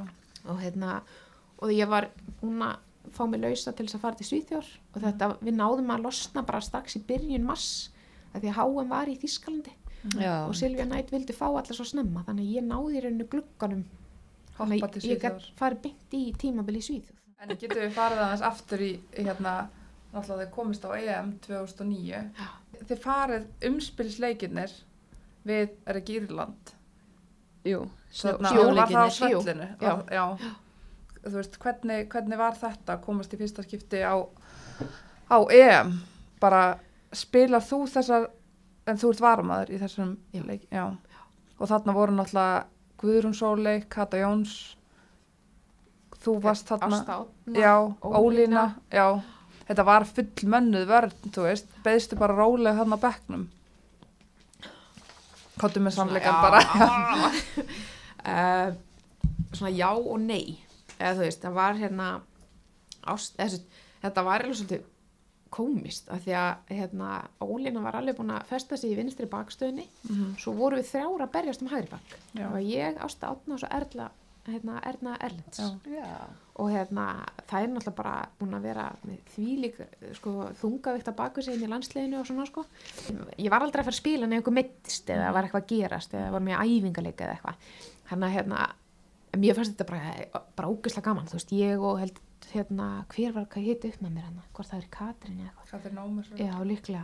Við vorum að hita upp, þú veist, á 850 mínútur. Bara, oh my god, og hérna, þannig að þú veist, bara hamingjana að, bara að ná að takast, sko, markmiðinu bara að komast á EM og þetta var bara, þetta var bara störtlun, sko. En svo kemur EM, hann meiðis Gunna, bara fær höfuðökinn á mann strax. Og ég man að, hérna, ég sita á bekknum og ég bara, holy beep, og bara, ég er kannski að fara að spila. Að því að þú veist, þarna var ég búin að vera þú veist, næsti svona varnamæðurinn Mhm. og hérna svo ég er bara hita upp allan leikin og svo hita upp líka allan hinleikin og því að Gunna er náttúrulega bara tæp. Hún er bara, það er náttúrulega bara Þetta eru náttúrulega meðslinn sem end, enda Enda- fyrirlin hennar, ríkalett. og hérna eftir að higgja þá hugsa maður bara bara, bara eitt þú veist náttúrulega bara bílun og hún spilaði leikina en hún hafi spilað á þessu leveli sem hún spilaði þú veist, hún bara alltaf bara Skallan trekki, trekk Já, aftur. bara rugg sko, bara dettur út bara fer út til júrgarðin fær hérna eitt skallabalt og er bara átt og hann bara er hennar ferill bara búinn. Sem þú veist gerir það verkum að, að ég fæ hoppin í Að staða, að losna staða þannig að síðan þá, þá bara festist ég hana í meðverunum við hlinn og kötu og við hérna myndum okkar tvíið ekki þannig saman, hún Hvernig var að spila með Kötu Jóns? það er bara drömmur í dós sko hún ætla bara, þú veist hérna, hún bara fór upp í alla bolta og, og ég bara sá til maður hreinsa og Skóplaði eftir hana. að, þetta var bara, þú veist, hún alltaf tapaði ekki skallaði mig, sko, þú veist, bara ógeðslega gaman líka, ef maður hugsa tilbaka, þú veist, framfærna sem hún tók á svona, en að gera sér bara efri árum Akkurat. í fókvöldanum, það voru alltaf bara, bara sko, þvílíkt stór. Ekkert smá. þannig að hérna, hún bara og svona þegar maður hugsa til þess þá var hún ótrúlega mikil fyrirmynd fyrir mann. Og þú veist, maður alltaf bara já, Kata, Jón spilaði náttúrulega til 36-7 sko, þú veist, halló maður, þú veist, manni fannst hún vera gömul sko, Mhm. þú veist og frá því þrítugt. Bara ég, ég vil löngu hætt. En þú veist, Kata, hún bara vá, því líku leikmár og því líku karakter og því líku bara kona.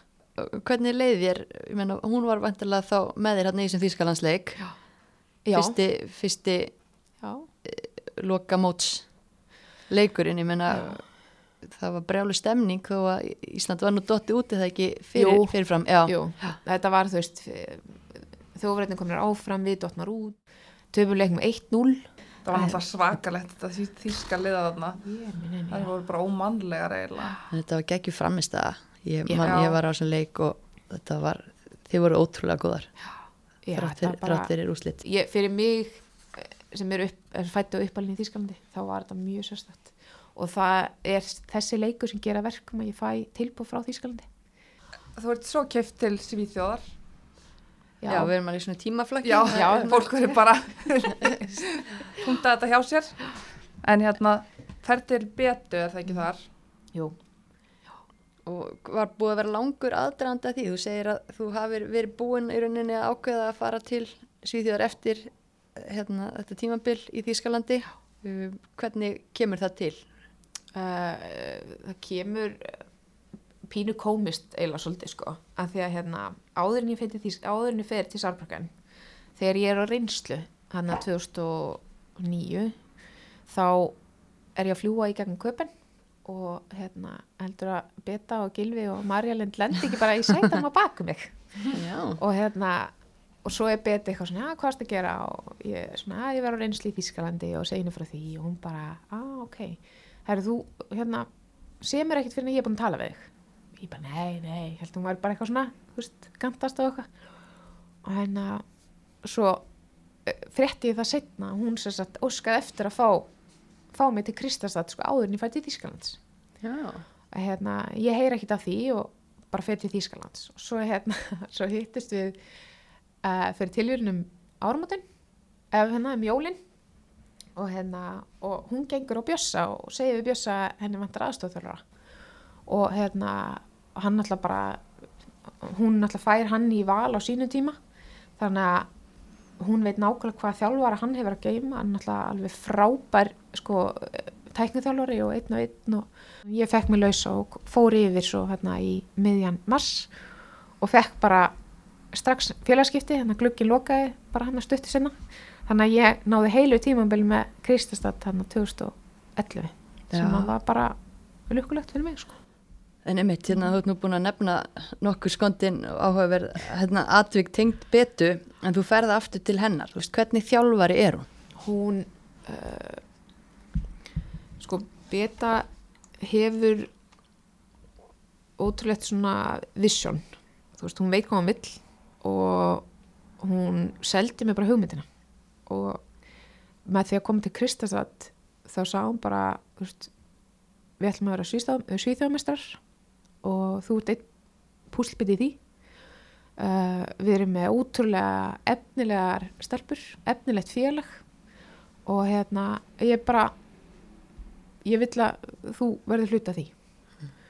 Og hérna og ég sá líka náttúrulega leika borðið að ég fengi að æfa undir henni og, og bjössa.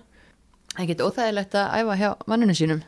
Nei, við erum eiginlega bara ótrúlega góði í að aðskilja þetta. Og við rættum þetta bara, þetta kom hérna, þú veist, hann kemur eiginlega svolítið sem þjálfari minn úti í Þýskalandi, bæðið sem sko andliður þjálfari og hérna bara svona, þú veist, að hjálpa mér í gegnum taktíkina og þú veist, að kenna mér svolítið meira á fókbaltan og þarna náttúrulega bara, þú veist, ég vita hann hefur verið frábær yngjafrákþjálfari en þarna sé ég bara, hann er, hann getur alveg gert þetta á, á, á grown-up level, sko.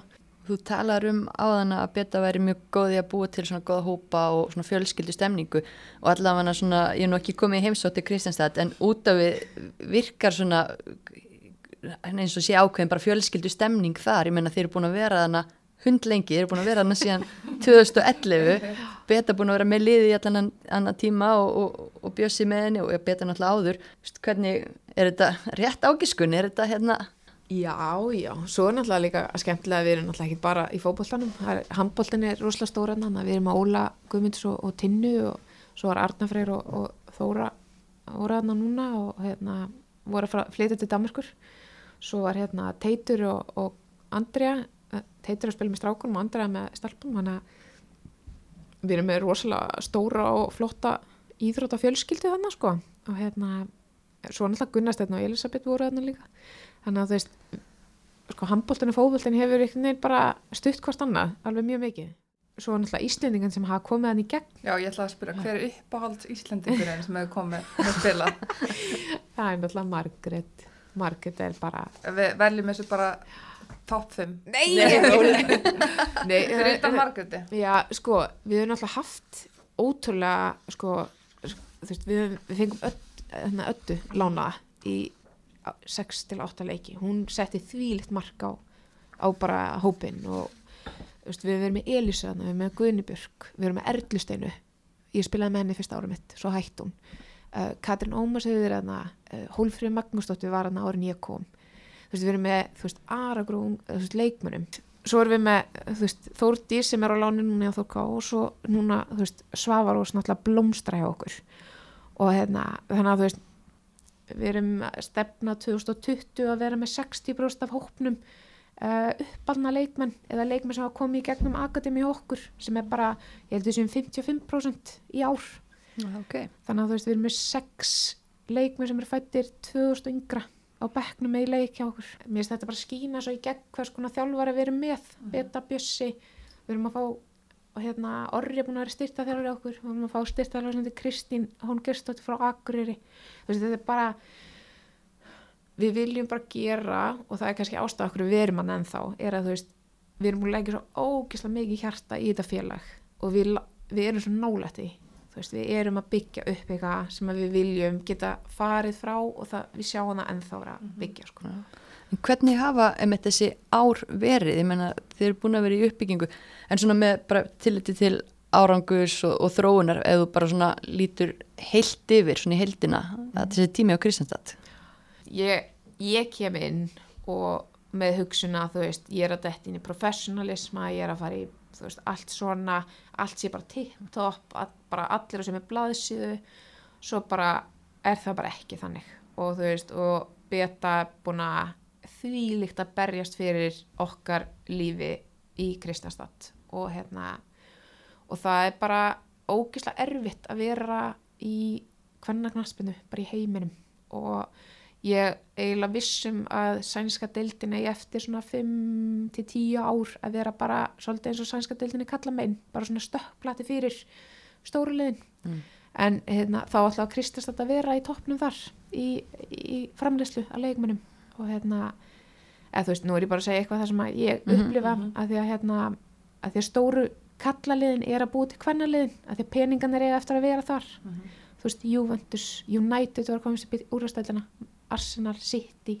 Þetta eru liðin sem er að þú veist, það er allir að kveikja nú, Já. kveikja kvennalið. Að hérna, þú veist, tíminn hjá Kristus að hefur bara verið bara við erum bara búin að vera berjast fyrir líf okkar, bæði inn í, í töflunni, en líka bara að halda því á floti, sko, þú veist, við vorum 2016 voru við bara þú veist, fimm minútum frá Einmitt. og við bara mætum æfingu og það sem okkur er bara tilkynnt að við erum bara gjaldfröld og við erum bara hætt í deildinni. Við erum bara átt það var bara stjórnir sem bara tók ákvörðum að sagði að þetta var bara alltaf erfitt við erum bara í alltaf miklum skuldum og við værum bara átt þannig að hérna það var bara, þarna var ég komin ég var komin tilbaka þetta var 2016 ég var búin að ég átti sólföðu 2015 þannig að ég, það var akkurat ár sinni áttan þannig að ég hugsaði strax bara á, báðar heimilistíkurna bara átt uh, eins og skam gömul dóttir uh, hvernig á ég að sjá fyrir fjölskyldinni Þú veist, þetta var bara og þegar maður hugsaði tilbaka við höfum bara geta klóra ykkur í gegnum þetta tímabil. Þú veist, við förum úr frá því að brotna niður þarna í að þrjá stelpur frá okkur úr hópnum fara inn á fund með stjórninni og segja bara herðu við ætlum að byðla til samfélagsins, við ætlum að byðla til Kristus að búa á að hjálpa okkur.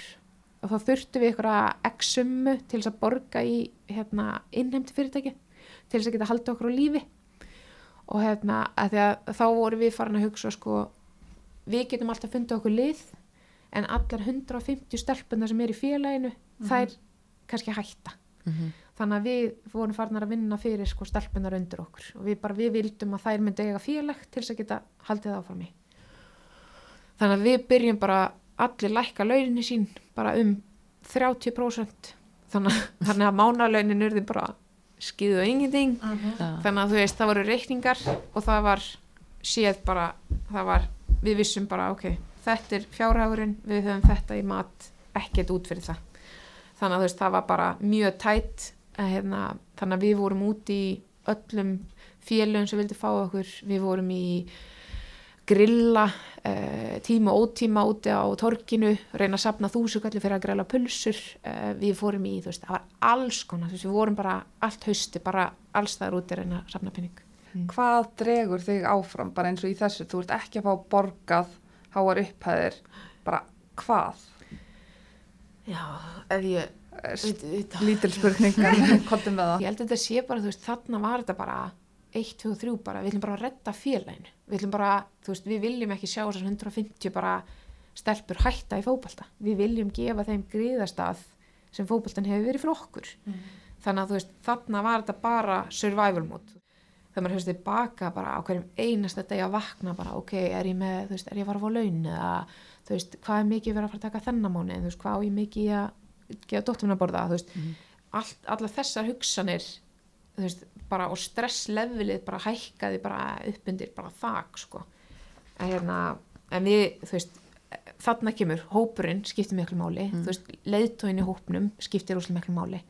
Og ég meira beta læ, lækkaði launin sínum 50% þú veist, hún bara veist, en svo maðurinn hennar að vinna á öðrum stað sem betur fyrir veist, að þetta, en þú veist veist, beta stopnaði fyrirtæki til þess að reyna að fá um pening, þú veist, hún er með enga þjálfunarstofu, eða þú veist, í hérna uh, Kristastata að hún bara, ok, þú veist þú þurfi að, að gera eitthvað til þess að reyna að fá pening og já, já, já. veist, hún er íþróttakennara ment og þannig að það fór einhvern veginn bara allt í bara survival mode, við verðum að redda þessu, við verðum að redda þessu svo hérna, og það sem að hjálpaði líka var að, að bærin var búin að saminast undir appisnugulum lit því að handbóltaliði var appisnugulum Já, þannig að þú veist, við byðlum bara til hérna bæjarna sem við sagðum bara erum við ekki á einu báti hérna, erum við ekki þú veist, appisnuguli bærin og þá kveikna, kveikna á hjartani sko, þú veist, þá var alltaf já, auðvitað, þú veist, við erum í, þú veist, af hverju er úrvast þetta liði hvenna megin að ströggla þegar þeir eru í efstudeld, þú veist, það myndi já. aldrei gerast kalla megin og svona sko.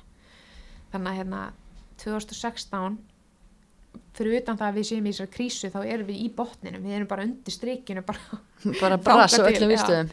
hérna, svo er ég í banni í síðasta leiknum á móti umjó, það er sérst liði sem að við erum að berjast við, Já, það var annarkvort við eða þær. Og sá leikur endar í jafntefli sem gerir það verkum að við höldum okkur uppi. Var það erfiðasti leikur sem þú hefur hort á, eða?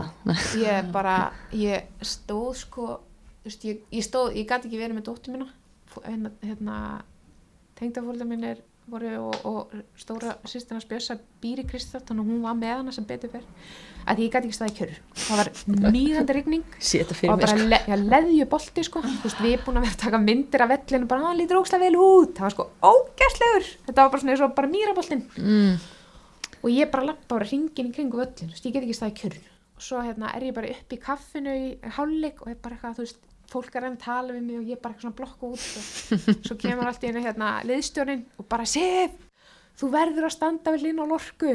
Bakur, vinstri bakurinn okkar, þá er hún búin að vera með sko tóknin aftur í vinstra læri. Já. þú verður bara að skrána áfram þú verður bara, þannig að ég plantaði mig bara á hliðlinni og röldi bara með hennu upp og niður kallin bara áfram, þú er hana, áfram og bara peppa hann alveg í drastli í 45 minútur svo hérna svo erum við að ná að halda boltan við síðustu sekundunum svo flautast leikurinn af.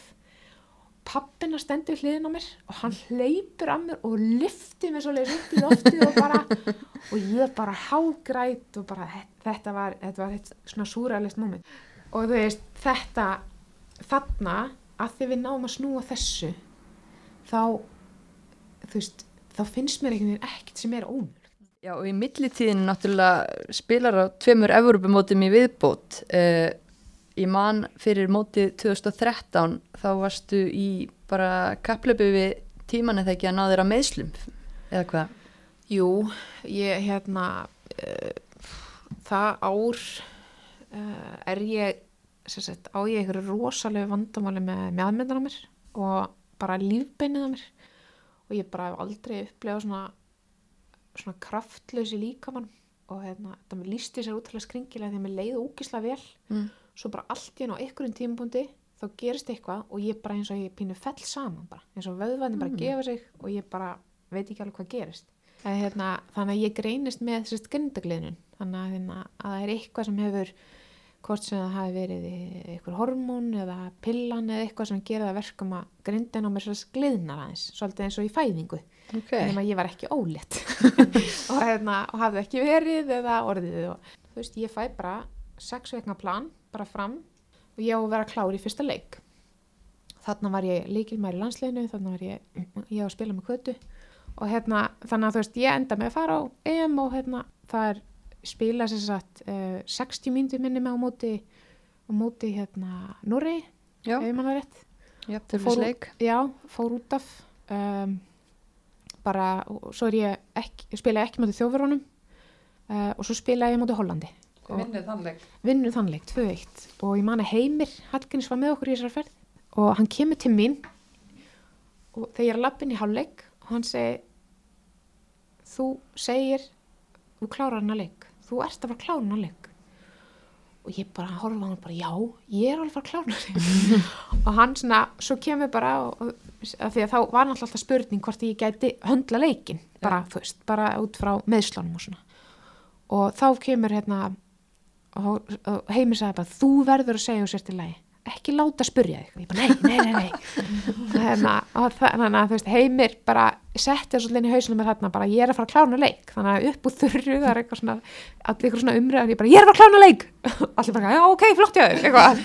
En hérna þannig að ég klára hann að leik og hérna bara gekk bara eins og ég sögu komst áfram uh, Besti árangur Íslands á EM. besti árangur Íslands á EM Þurfum Og- ekki að ræða svíjarleikinni þannig. nei, áttalega úrslitum. Já, og en þú veist, þarna, þarna fattar maður hvað það tekur ótrúlega mikið á hausin að fara inn í svona mót. Mm. Af því að við vorum svo ógislega ánæður, við vorum búin að ná markmiðanum okkar að fara í, þú veist, áfram á reilinum, í áttaljóðslitt, en svo var bara gjaldfrott. Svo var bara, vum, bara niður. Þú veist, við vorum bara búin að ná markmiðanum. Ég man, ég, ég satt með marketi daginn fyrir síðalegin, vorum að rölda í Halmstað út af bryggjunni og við sátum hún að spjalla saman.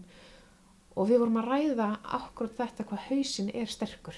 Bara hvað Þískaland er með ógeðslega sterkan haus. Að klára svona mót.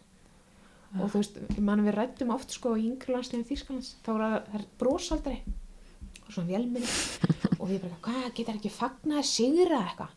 Og þú veist, þetta er umtalið sem þegar Ösil var í yngri landslegin Já. þeir fögnuðu aldrei. Það var alltaf bara klári leikin, takk fyrir leikin næst að því að tilfinningarnar þær geta tekið svo mikið frá manni þegar mann er svona hamingisamur þú veist, þú þar, þegar þú ferð upp, þá verður þú koma niður. Og hérna þannig að þú veist, við læriðum ógeðslega mikið af þessu. Tilfinningastjórnun. alveg rosalega. Já, fallið þarna út í áttalega úrslitum gegn Svíþjóð í spennufalli.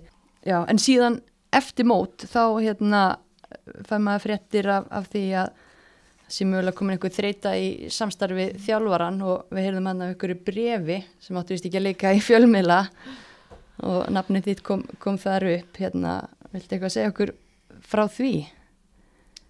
það er bara, þú veist það var náttúrulega ekkit ótrúlega skemmtilegt mál og hérna, við sem að skrifum myndir þetta bréfa kannski þú veist já það var náttúrulega við, þú veist, við sögðum ekki neitt því að það náttúrulega bara bréfi kom fram í völmjölum en hérna Hvað stóði í, í brefinu?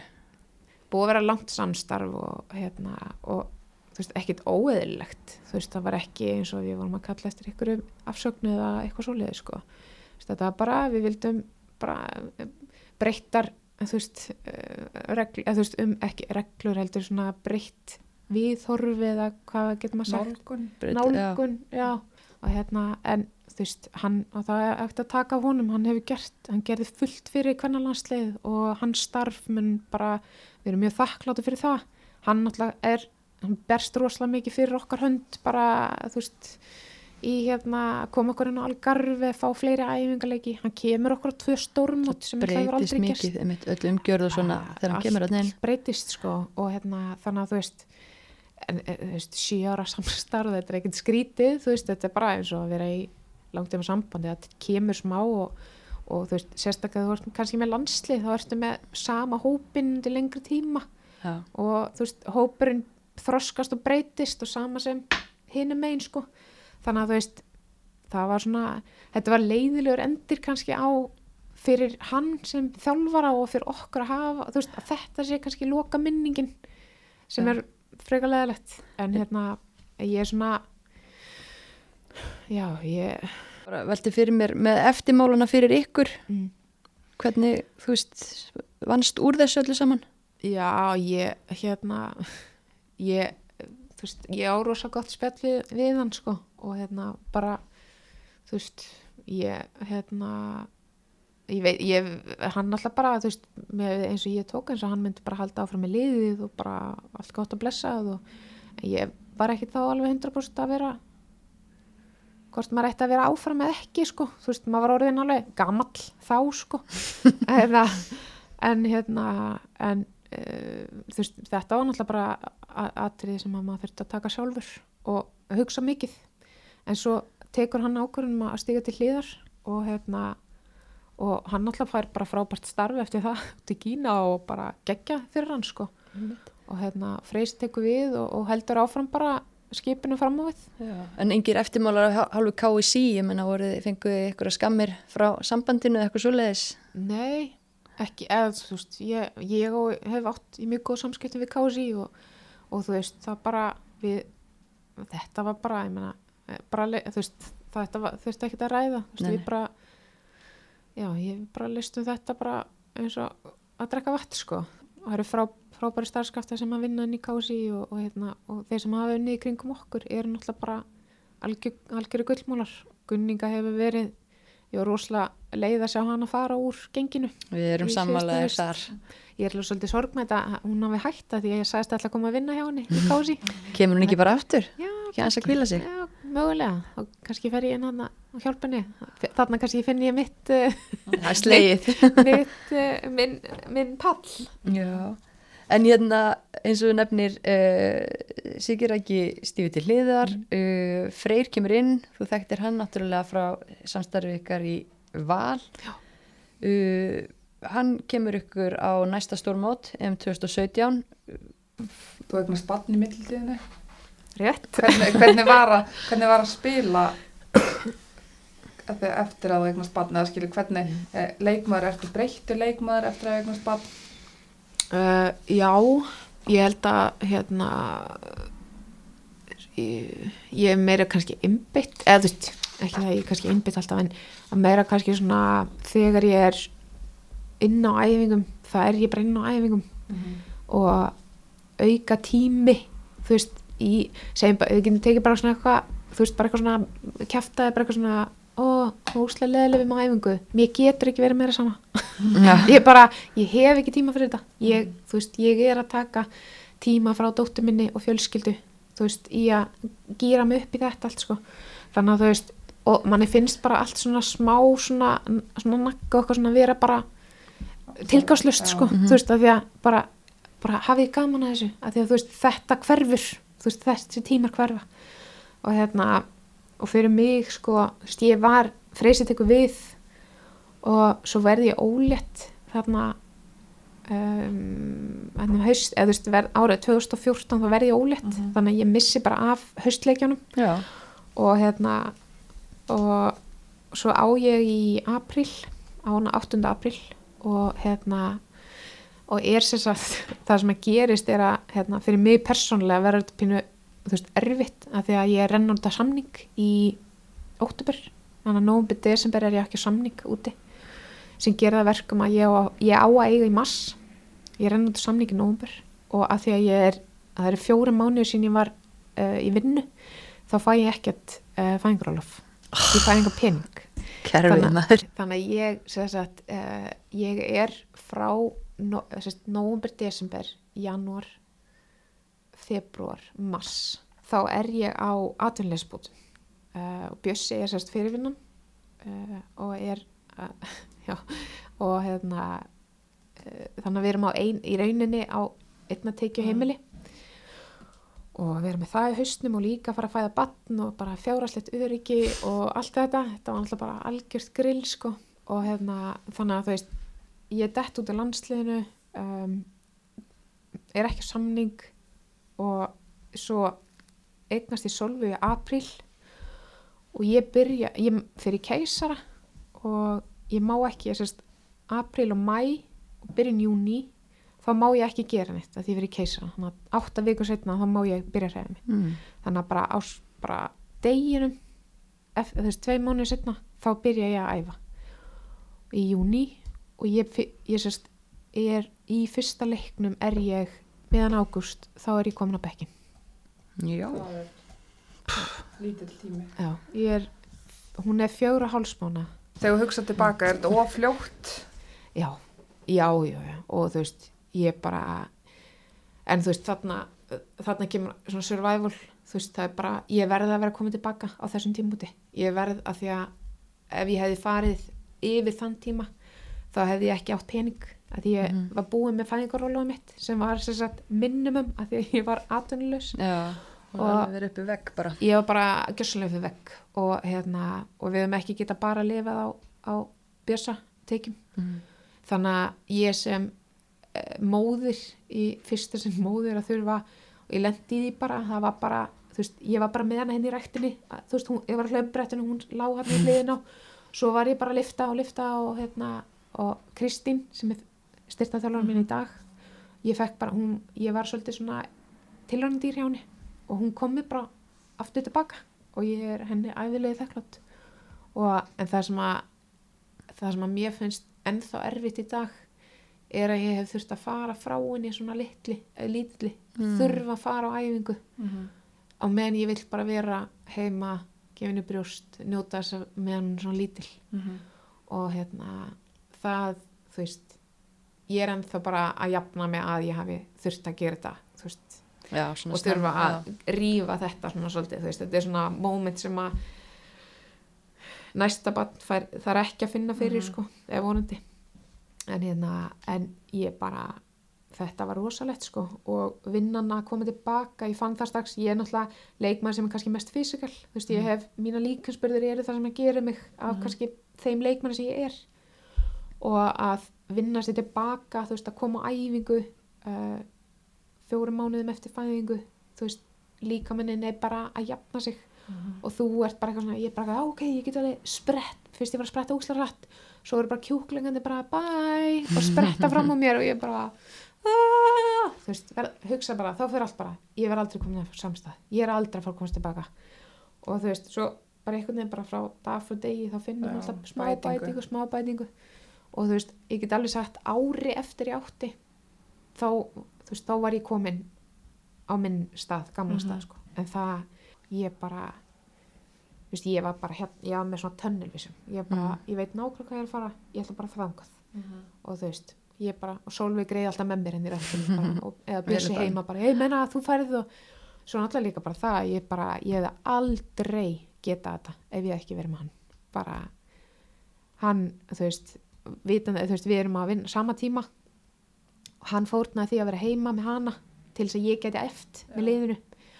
Og hérna, og svo kynnust við alveg frábæri fjölskyldu sem bara fyrsta árið hennar er bara hjá henni. Þú veist, þannig að þau hagriða sínu vinnutíma til þess að geta hjálpað okkur. Og þau eru bara, það voru bara englar sem voru sendið til okkar sko. Og svo, þú veist, fjölskyldan hans flög mikið út til að hjálpa okkur í leikjum.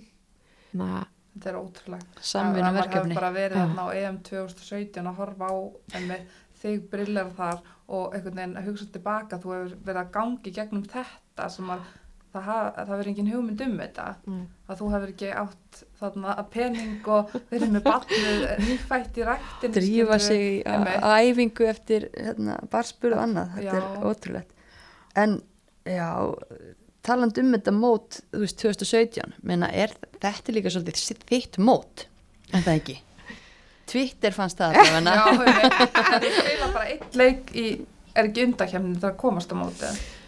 Jú, ég spila bara, er það ekki Makedónia sem ég spila bara? Já. Ég held það sko og þú veist, það var ekki endilega leikur sem að þú veist, var eitthvað brjálæslega hætti sko, en þú veist, ég var úrslega þakklátt fyrir það, þann sens að fá að spila.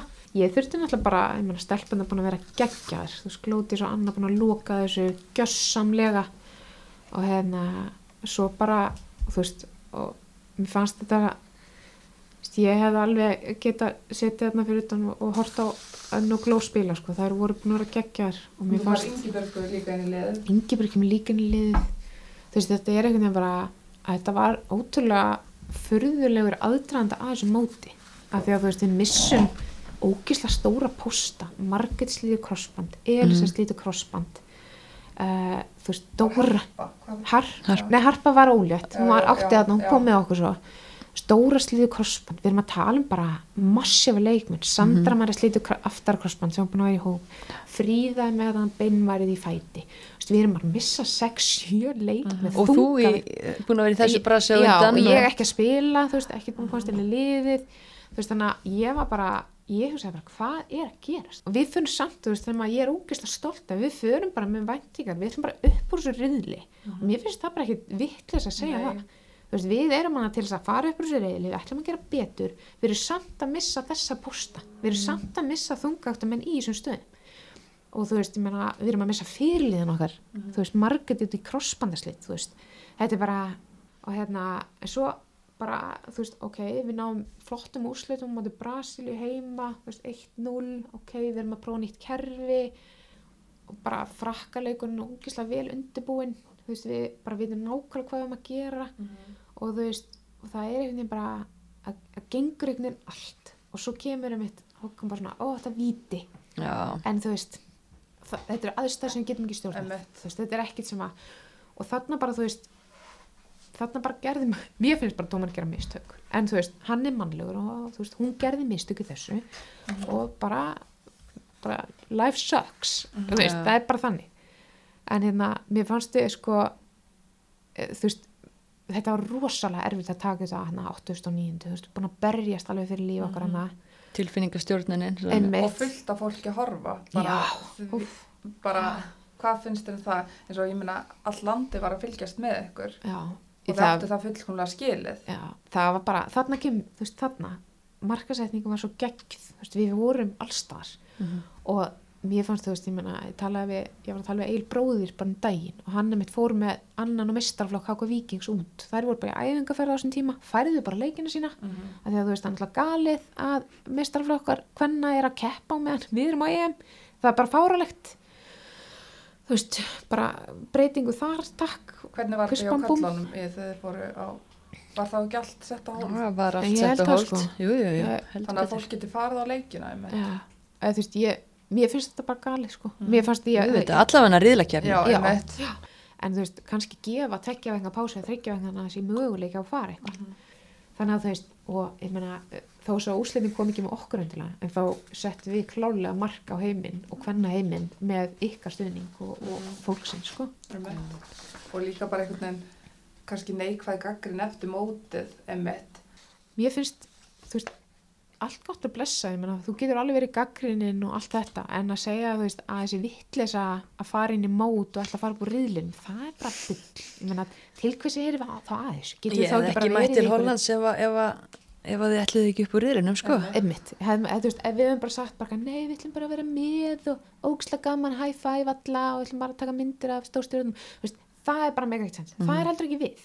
Og ég meina, þú veist, svo líka bara til, þú veist, ef maður ætlar að vera hann uppi ef maður ætlar að vera í fjölumilum ef maður ætlar að krefjast aðteklinar þá er líka bara eins gott að maður geti höndla þetta, af því að þú verður gaggrindur þú þarft ekki að taka inn á þig en þú verður gaggrindur það er ekkit allir sammálaðir en þú veist, hvernig þú höndlar það og hvort að þú lætur það brótaði niður eða ekki það er bara undir þér komið. Þarna komum við aftur að bara þú veist, hvað verðleggur þú mikilvæg skoðun?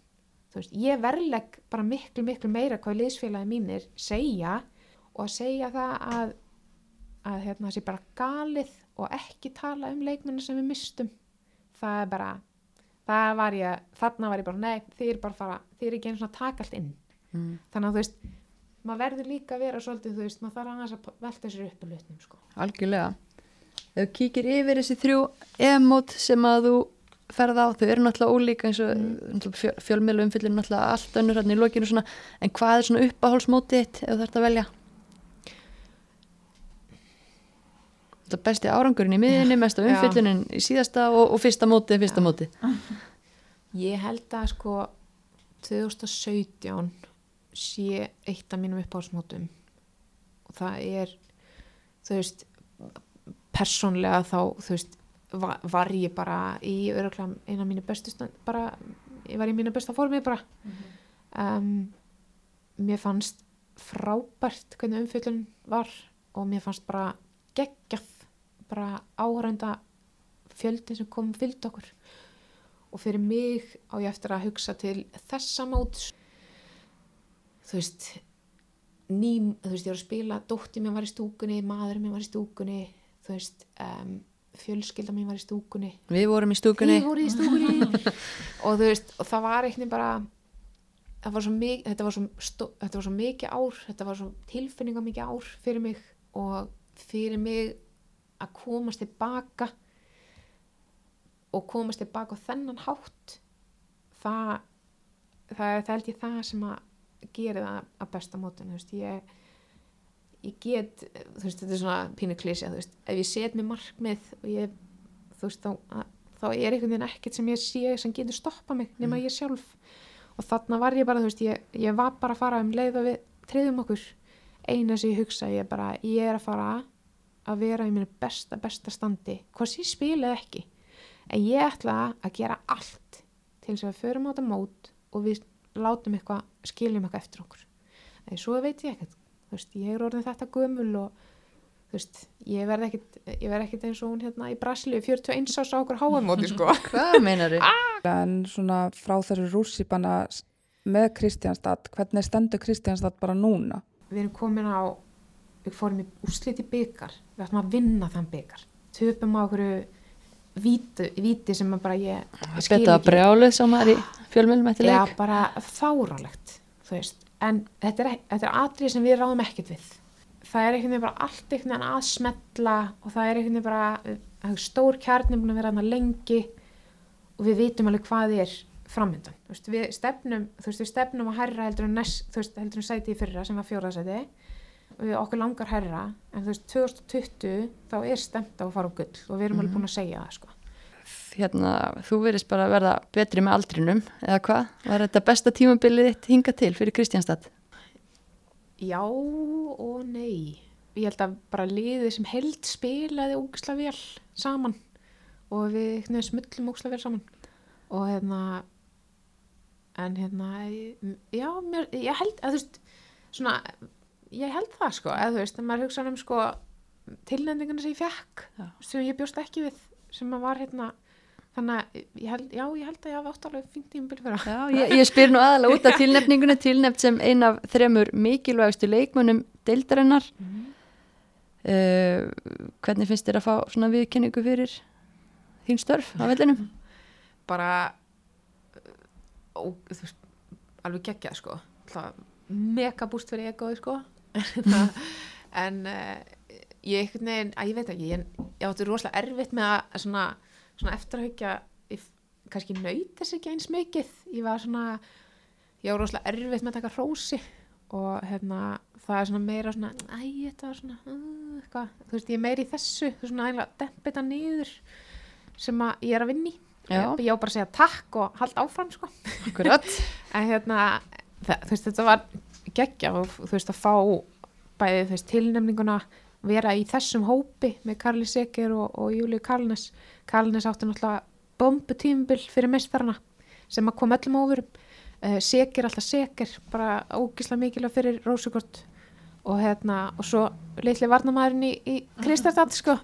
Og sem varnamæður þá uh, þú veist, þá er þetta ógislega stórt af því að við fáum ekkert rosalega oft viðkenningu En þú talaði nú um að hafa skipulagt hérna gala event fyrir þróttarana, var þetta ekki gala ball hérna hjá ykkur í veljunaðandíkunni? Jú, þetta var hérna þetta, jú, jú, þetta er alveg stórt sko. Þú hefur Þú veist, þetta er bara eins og KSI á sko styrum eða eitthvað sko. Þetta var bara, þetta var rosalegt. Þetta var hérna og bara ótrúlega vel að þessu staðið. Þú veist, ég fæ bara ykkur tveim vikum eða, nei, þrejum vikum fyrir hérna, dag þá er bara schedule, þú veist, það er bara hótel og flug og þú veist, vil ég færast með flugi eða lest og það er sótt mig og ég fæ að taka með mér einn, þannig ég bjössi klálega að fylgja með, ég er ekki að fara í svona, í svona óvissu einn sko.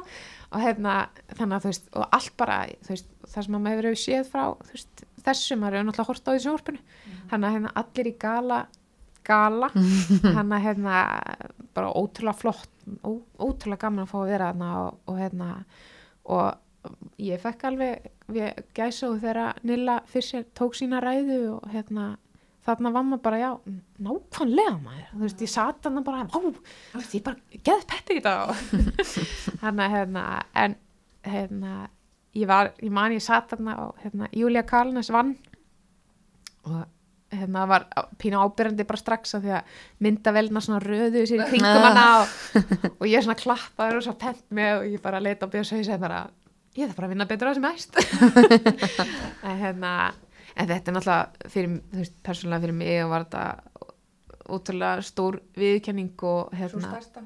Svo, já, líklega. Uh, líklega svo stærsta. Það sem að þú veist, bara ég fá að, að, leið, að vera að fórsprakið þarna fyrir liðið mitt og, og mér það líka bara viðkynning fyrir okkur bara í Kristastad, þú veist að fá að hafa leikmann sem er hann uppi og, og ég var mjög lengi langt inn í kvöldið að reyna átt að má hvað svona social scenario, hvernig það funkar á svona stað.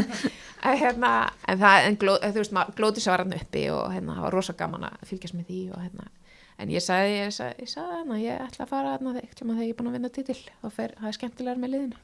Þú veist, ég einhvern veginn bara, verð bara svona meir og meir að bara, ég verða, ég þarf að gera eitthvað, ég þarf að gefa tilbaka það sem ég er búin að gera, þú veist, mm. þið er til dæmis eitt plattformi sem er ógislega mikilvægur.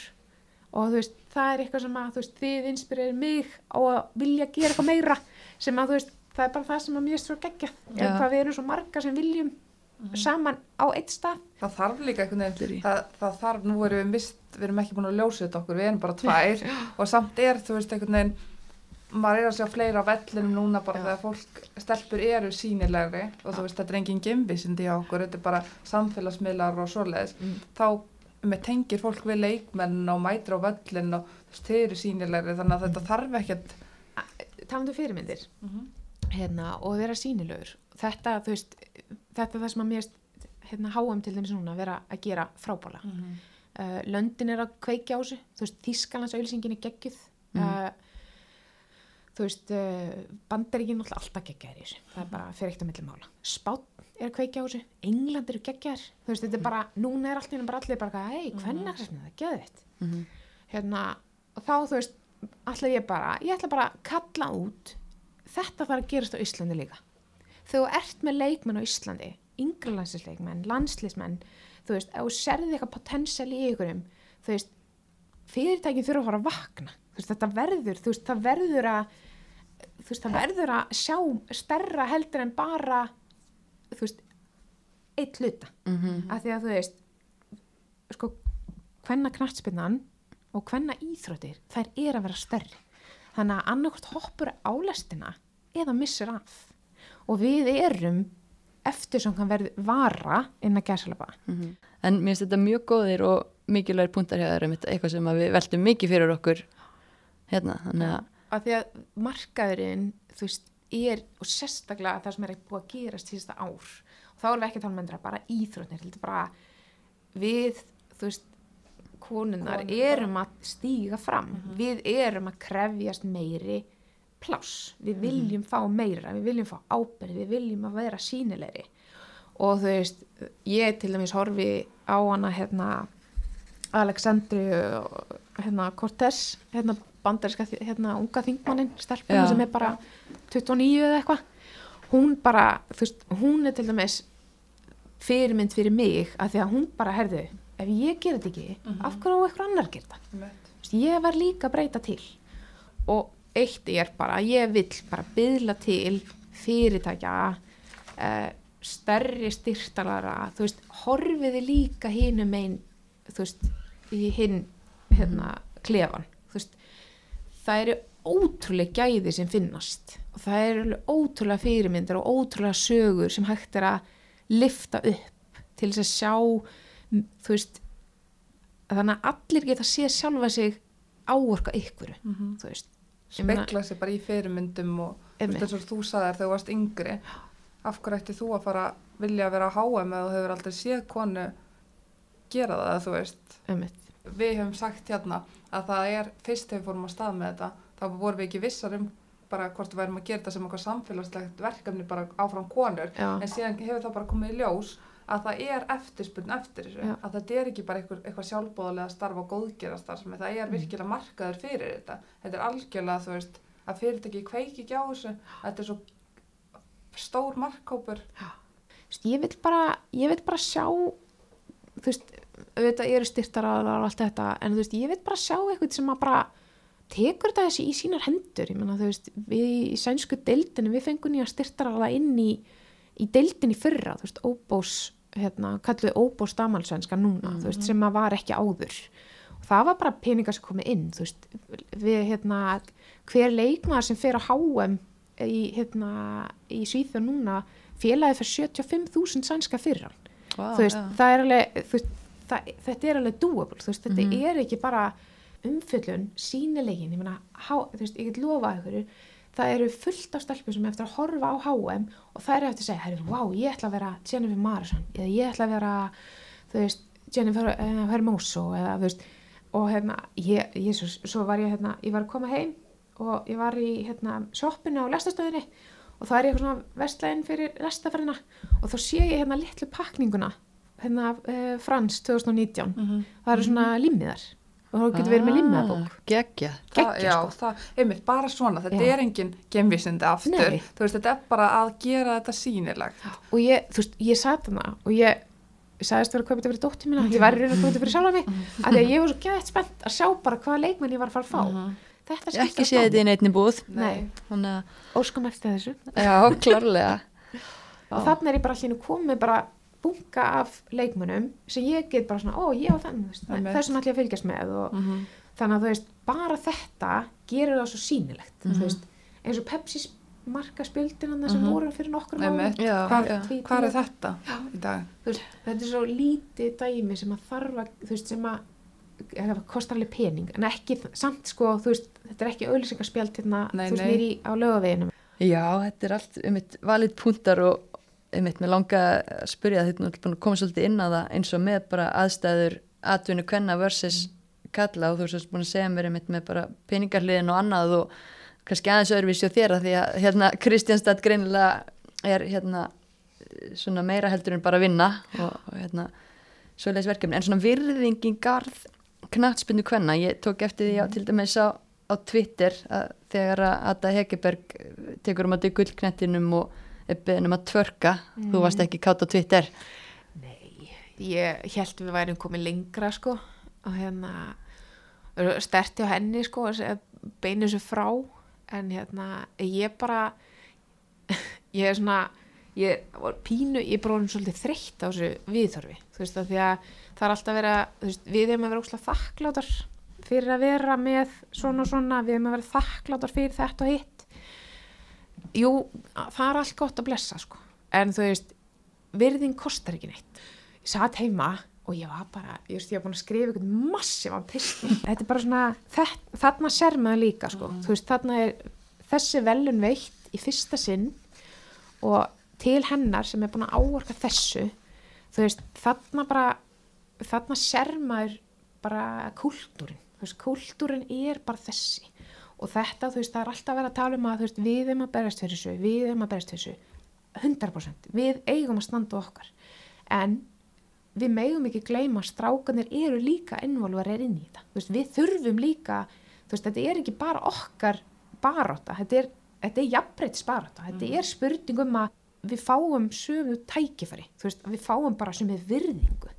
Ekki bara bara eitthvað já, uh, við erum með Pepsi kalla hérna strax eftir fyrsta leik en þú veist, nú ætlum ég bara ég ætla bara að skjóta þetta mm. þeim þú veist, að vera með Pepsi hvernig á föstaskvöldi klukkan hálf tíu, bara bull. Það er, þú veist, mér finnst frábært að þessi þáttunum finnst, þú veist, er til. Þarna höfum við tækifæri sem að vinnum eða þú veist, einstaklega að vinna inn í þessum bransa. Þarna er tækifæri til þess að lifta hvenna íþróttum. Þarna er tækifæri til þess að lifta fyrirmyndunum í samfélaginu fyrirmyndunum sem að íslensku stelpunar horfi upp á en þú getur ekki gert það á förstaskvöld til hálf tíu þú veist, þú verður að, þú verður að gefa sér sjens þú veist, þarna er þetta ekki að gefa sér sjens þarna er þetta bara að þetta á að vera. Málið er að ég fylgist miklu meira með kalla fótbolta og hef alltaf hort á það. Mm. Það er bara út af því að það er fyrir fram að mig. Já. Það er efnið sem ég sé, þú veist, í Pepsi til kalla, enski boltin, þetta er efnið sem að bara, þú veist, maður vill efnið bara fljótt, maður vill það strax. Og þú veist, ég elska að horfa á fótbolta en bara það er svo erfitt að komast í hérna. Og ég þurfa að fara inn á Twitter til að kíkja hvort að þið séu að spila, skilju, grafa upp það, Já. svo ég geti senda áfram inn á heimavöllin, Já. þú veist, þetta er bara svolítið en þetta er, það er þetta sem að þú veist, maður bara þú veist, þegar maður er að tala um fyrirmyndi þegar maður er að tala um expósa yngri, yngri kynnslóðinni konum, stelpum og strákum. Þetta er ekki bara spurning um stelpur. Þetta er bara stelpur og strákar. Og það er það sem að, það sem að mér fannst svo geggja var þegar fyrir EM síðast. Við vorum í andlitunum fólki, í auðlýsingum, við vorum á plakkutum, við vorum út um allt. Enda líka, þú veist, ég fæ að heyra það að þegar að einhverju þróttara krakkar er að leika sér, það kemur engast og heyri ég, ég, ég, sif, þú veist, þarna, og þetta var, þetta var strákur, þú veist, þetta voru strákar, ég, Sara Björk, þú veist, að því að við vorum í andlitunum fólki. Og þú veist, ekki að neikvanátt, heldur bara, þú veist, þetta er fótbolti. Og þeir eru líka ekki bara fyrirmyndi fyrir stelpuna, þeir eru líka fyrirmyndi fyrir bara strákana, yngri stráka. Já, ykkur þarf að taka af skarið. Nú ætlum ég, bara að segja fyrirtæki, þið eigið að gangin í heimavöllin og sjá hag ykkar í að vera með hann af því að hvenna knaspin á bara eftir að vera stærri og heimavöllin er fyrst sinnategundur á Íslandi. Þannig að þú veist þetta verður fólk að fara að opna augum fyrir þetta verður að fara að opna augum fyrir að við þurfum ekki bara að tala um jafnrétti, við þurfum að- að gera eitthvað í því. Við þurfum að styðja það. Þú veist, ég, þú veist, ég vill koma, þú veist, ég þarf að finna minn hluta í þessu scenariói, af því að ég vill gefa tilbaka í íþrótt sem að hefur gefið mér úrsla mikið. Þess vegna finnst mér svo geggja að fylgjast með eins og þú veist, Alex, hérna, Alex Scott, þú veist, hún er bara komin í Premier League stúdíu og strákum þú veist, þetta er bara að gerast. Ég menn Hallber er að brjóta blæðið þarna meginn hjá Pepsi Kall Margell ára hjá Síman. Margit Lari og Símon. Þú veist, þetta er bara þú veist, við erum ekki að tala um bara eitthvað svona ó, við verum að tekka í box, heldur þú veist, halló þið er að fá þunga eftir menn, sko þú veist, ég meina, ég get alveg logið, Margit ofta að sokkar fólk þegar hún fór að tala um fótbolta. Af því að þú veist, hún sko, ef við erum að tala um einstakling sem horfið mikið, þá er það frú Margit Lára, sko. Þannig að þú veist, þetta er, þetta er spurning um sko, setja sig inn í leikin sko. Bam. Bam. Bam. Já, já, um mitt. Talandi um það, framtíðin, hérna, þú var svona, mér varstu nú í að svona svolítið að í viðtali eftir Þýskalandsleikin að það getur farið að þú er svona kannski möguleg eitthvað farin að hugsa út í hinn endan á ferlinum. Og það, hvað hva ert að pæla? Hva, þú varst ekki að lesa vittlis í aðstöður sko. uh, ég, hérna neini, þú veist, ég uh, maður veit náttúrulega ekkert þú veist, maður veit ekkert nákvæmlega hvað líka mann heldur lengi og, og svona sko en hérna, mér líður vel og, og hérna og það er náttúrulega að trúa mér í Kristastad og þannig að hérna ég er ekkert að spila verra þannig að hérna bara fínt sko, svo líka bara, ég meina þjálfari skipti, maður veit ekki nákvæmlega hvað nýr þjálfari vill og hérna en þegar ég hitti Jón Þór bara hérna þegar hann var búin að taka við hann hitti mig hérna í lók tímavils og bara mér finnst ótrúlega vel á hann. Hann er bara rosalega hérna, eh, hérna hvað segir maður, approachable svona auðvelt að, nálgast hann þægilegt að tala við hann. Uh, hann er mjög direkt hann veit nákvæmlega hvað hann vill og hérna og ég bara, ég fíla hann bara eiginlega bara strax veist, og hérna við bara áttum rosalega einlegt handal og hann hérna hann bara hefur gefið mig traustið áfram og ég er bara mjög þakklátt fyrir það og fekk að hérna leiða liðið inn í hérna á móti Portugal sem að mér fannst útrúlega mikill heiður og bara ógislega gaman og hérna bara, mér finnst bara geggja að fá að vera að hluta þessu. Það er allan að í sjónmáli er ekkert að fara ég er ekkert að fara að stiga niður alveg strax nei, þannig að þú ert til í, í næstu landslýsverkefni og átt eftir að vinna titili með Kristjánstad, þannig að ég get, ég get ekki hægt sko. veist, þetta er ekki, ég verða ég verða að lifta ykkur sko. þarf að, það þarf að enda á ykkur sko. En þú ert búin að vera í, eða ekki námi, samhliða atvinnumennskunni, yes. mm. uh, líðheilsu fræðingur, er það rétt? já, já, Já, passar, passar á íslensku á Ís, Já. ok. Hérna, og einmitt, þú ert búin að tala núna bara rauðið þráður í þessu viðtali sem við erum eiga við þig að þú hefur mikið passion fyrir leiknum og, og sér talar um að, að hérna, hvar þú fyttir inn eftir fyrirlin. Ég meina, eh, er Sif alladóttir að íhuga að gerast þjálfari eða einhvers konar talskona, hva, hvar sérðu þig? ég veit það ekki, ég er svona pínu fyrildi ég, ég flögra sko frá því að vera mér langar óksla að vera þjálfari í að vera formaður í að vera, veist, í stjórn veist, í að hafa áhrif, einhvern veginn þannig í að, veist, hugsa um yngri leikmenn. Maður, þetta er einhvern veginn bara ég einhvern veginn sveiplast rosalega með. En ég er svona, þú veist á þessum tímapunkti þá langar mig einhvern veginn að vera talsmaður kvennakastminnar á einhvern hátt. Og hérna og geta haft áhrif þú veist, bæði með bara að hafa spila lengi uh, haft uh, þessa landslýs eða þú veist, international reynslu. Um, bara, þú veist, mér langar að lifta kvennavaltanum á herra level, mér langar að þú veist, já, einhvers konar talsmaður fyrir kvennakaspinu og einhvern hátt væri ógislega gaman. Svo svona er ég, ég er að komast í sátt við mig að ég hef í rauninni ótrúlega sérstakarsögu í þessu, þú veist, bara með hvernig ég byrja, hvernig típa ég er og þú veist, e, þú veist, ykkur skona leiðt og hæfileiki sem að hefur ykkur staðar, þú veist, blómstrað út og sem verður bara sterkari fyrst mér þegar þessum eldri ég verð.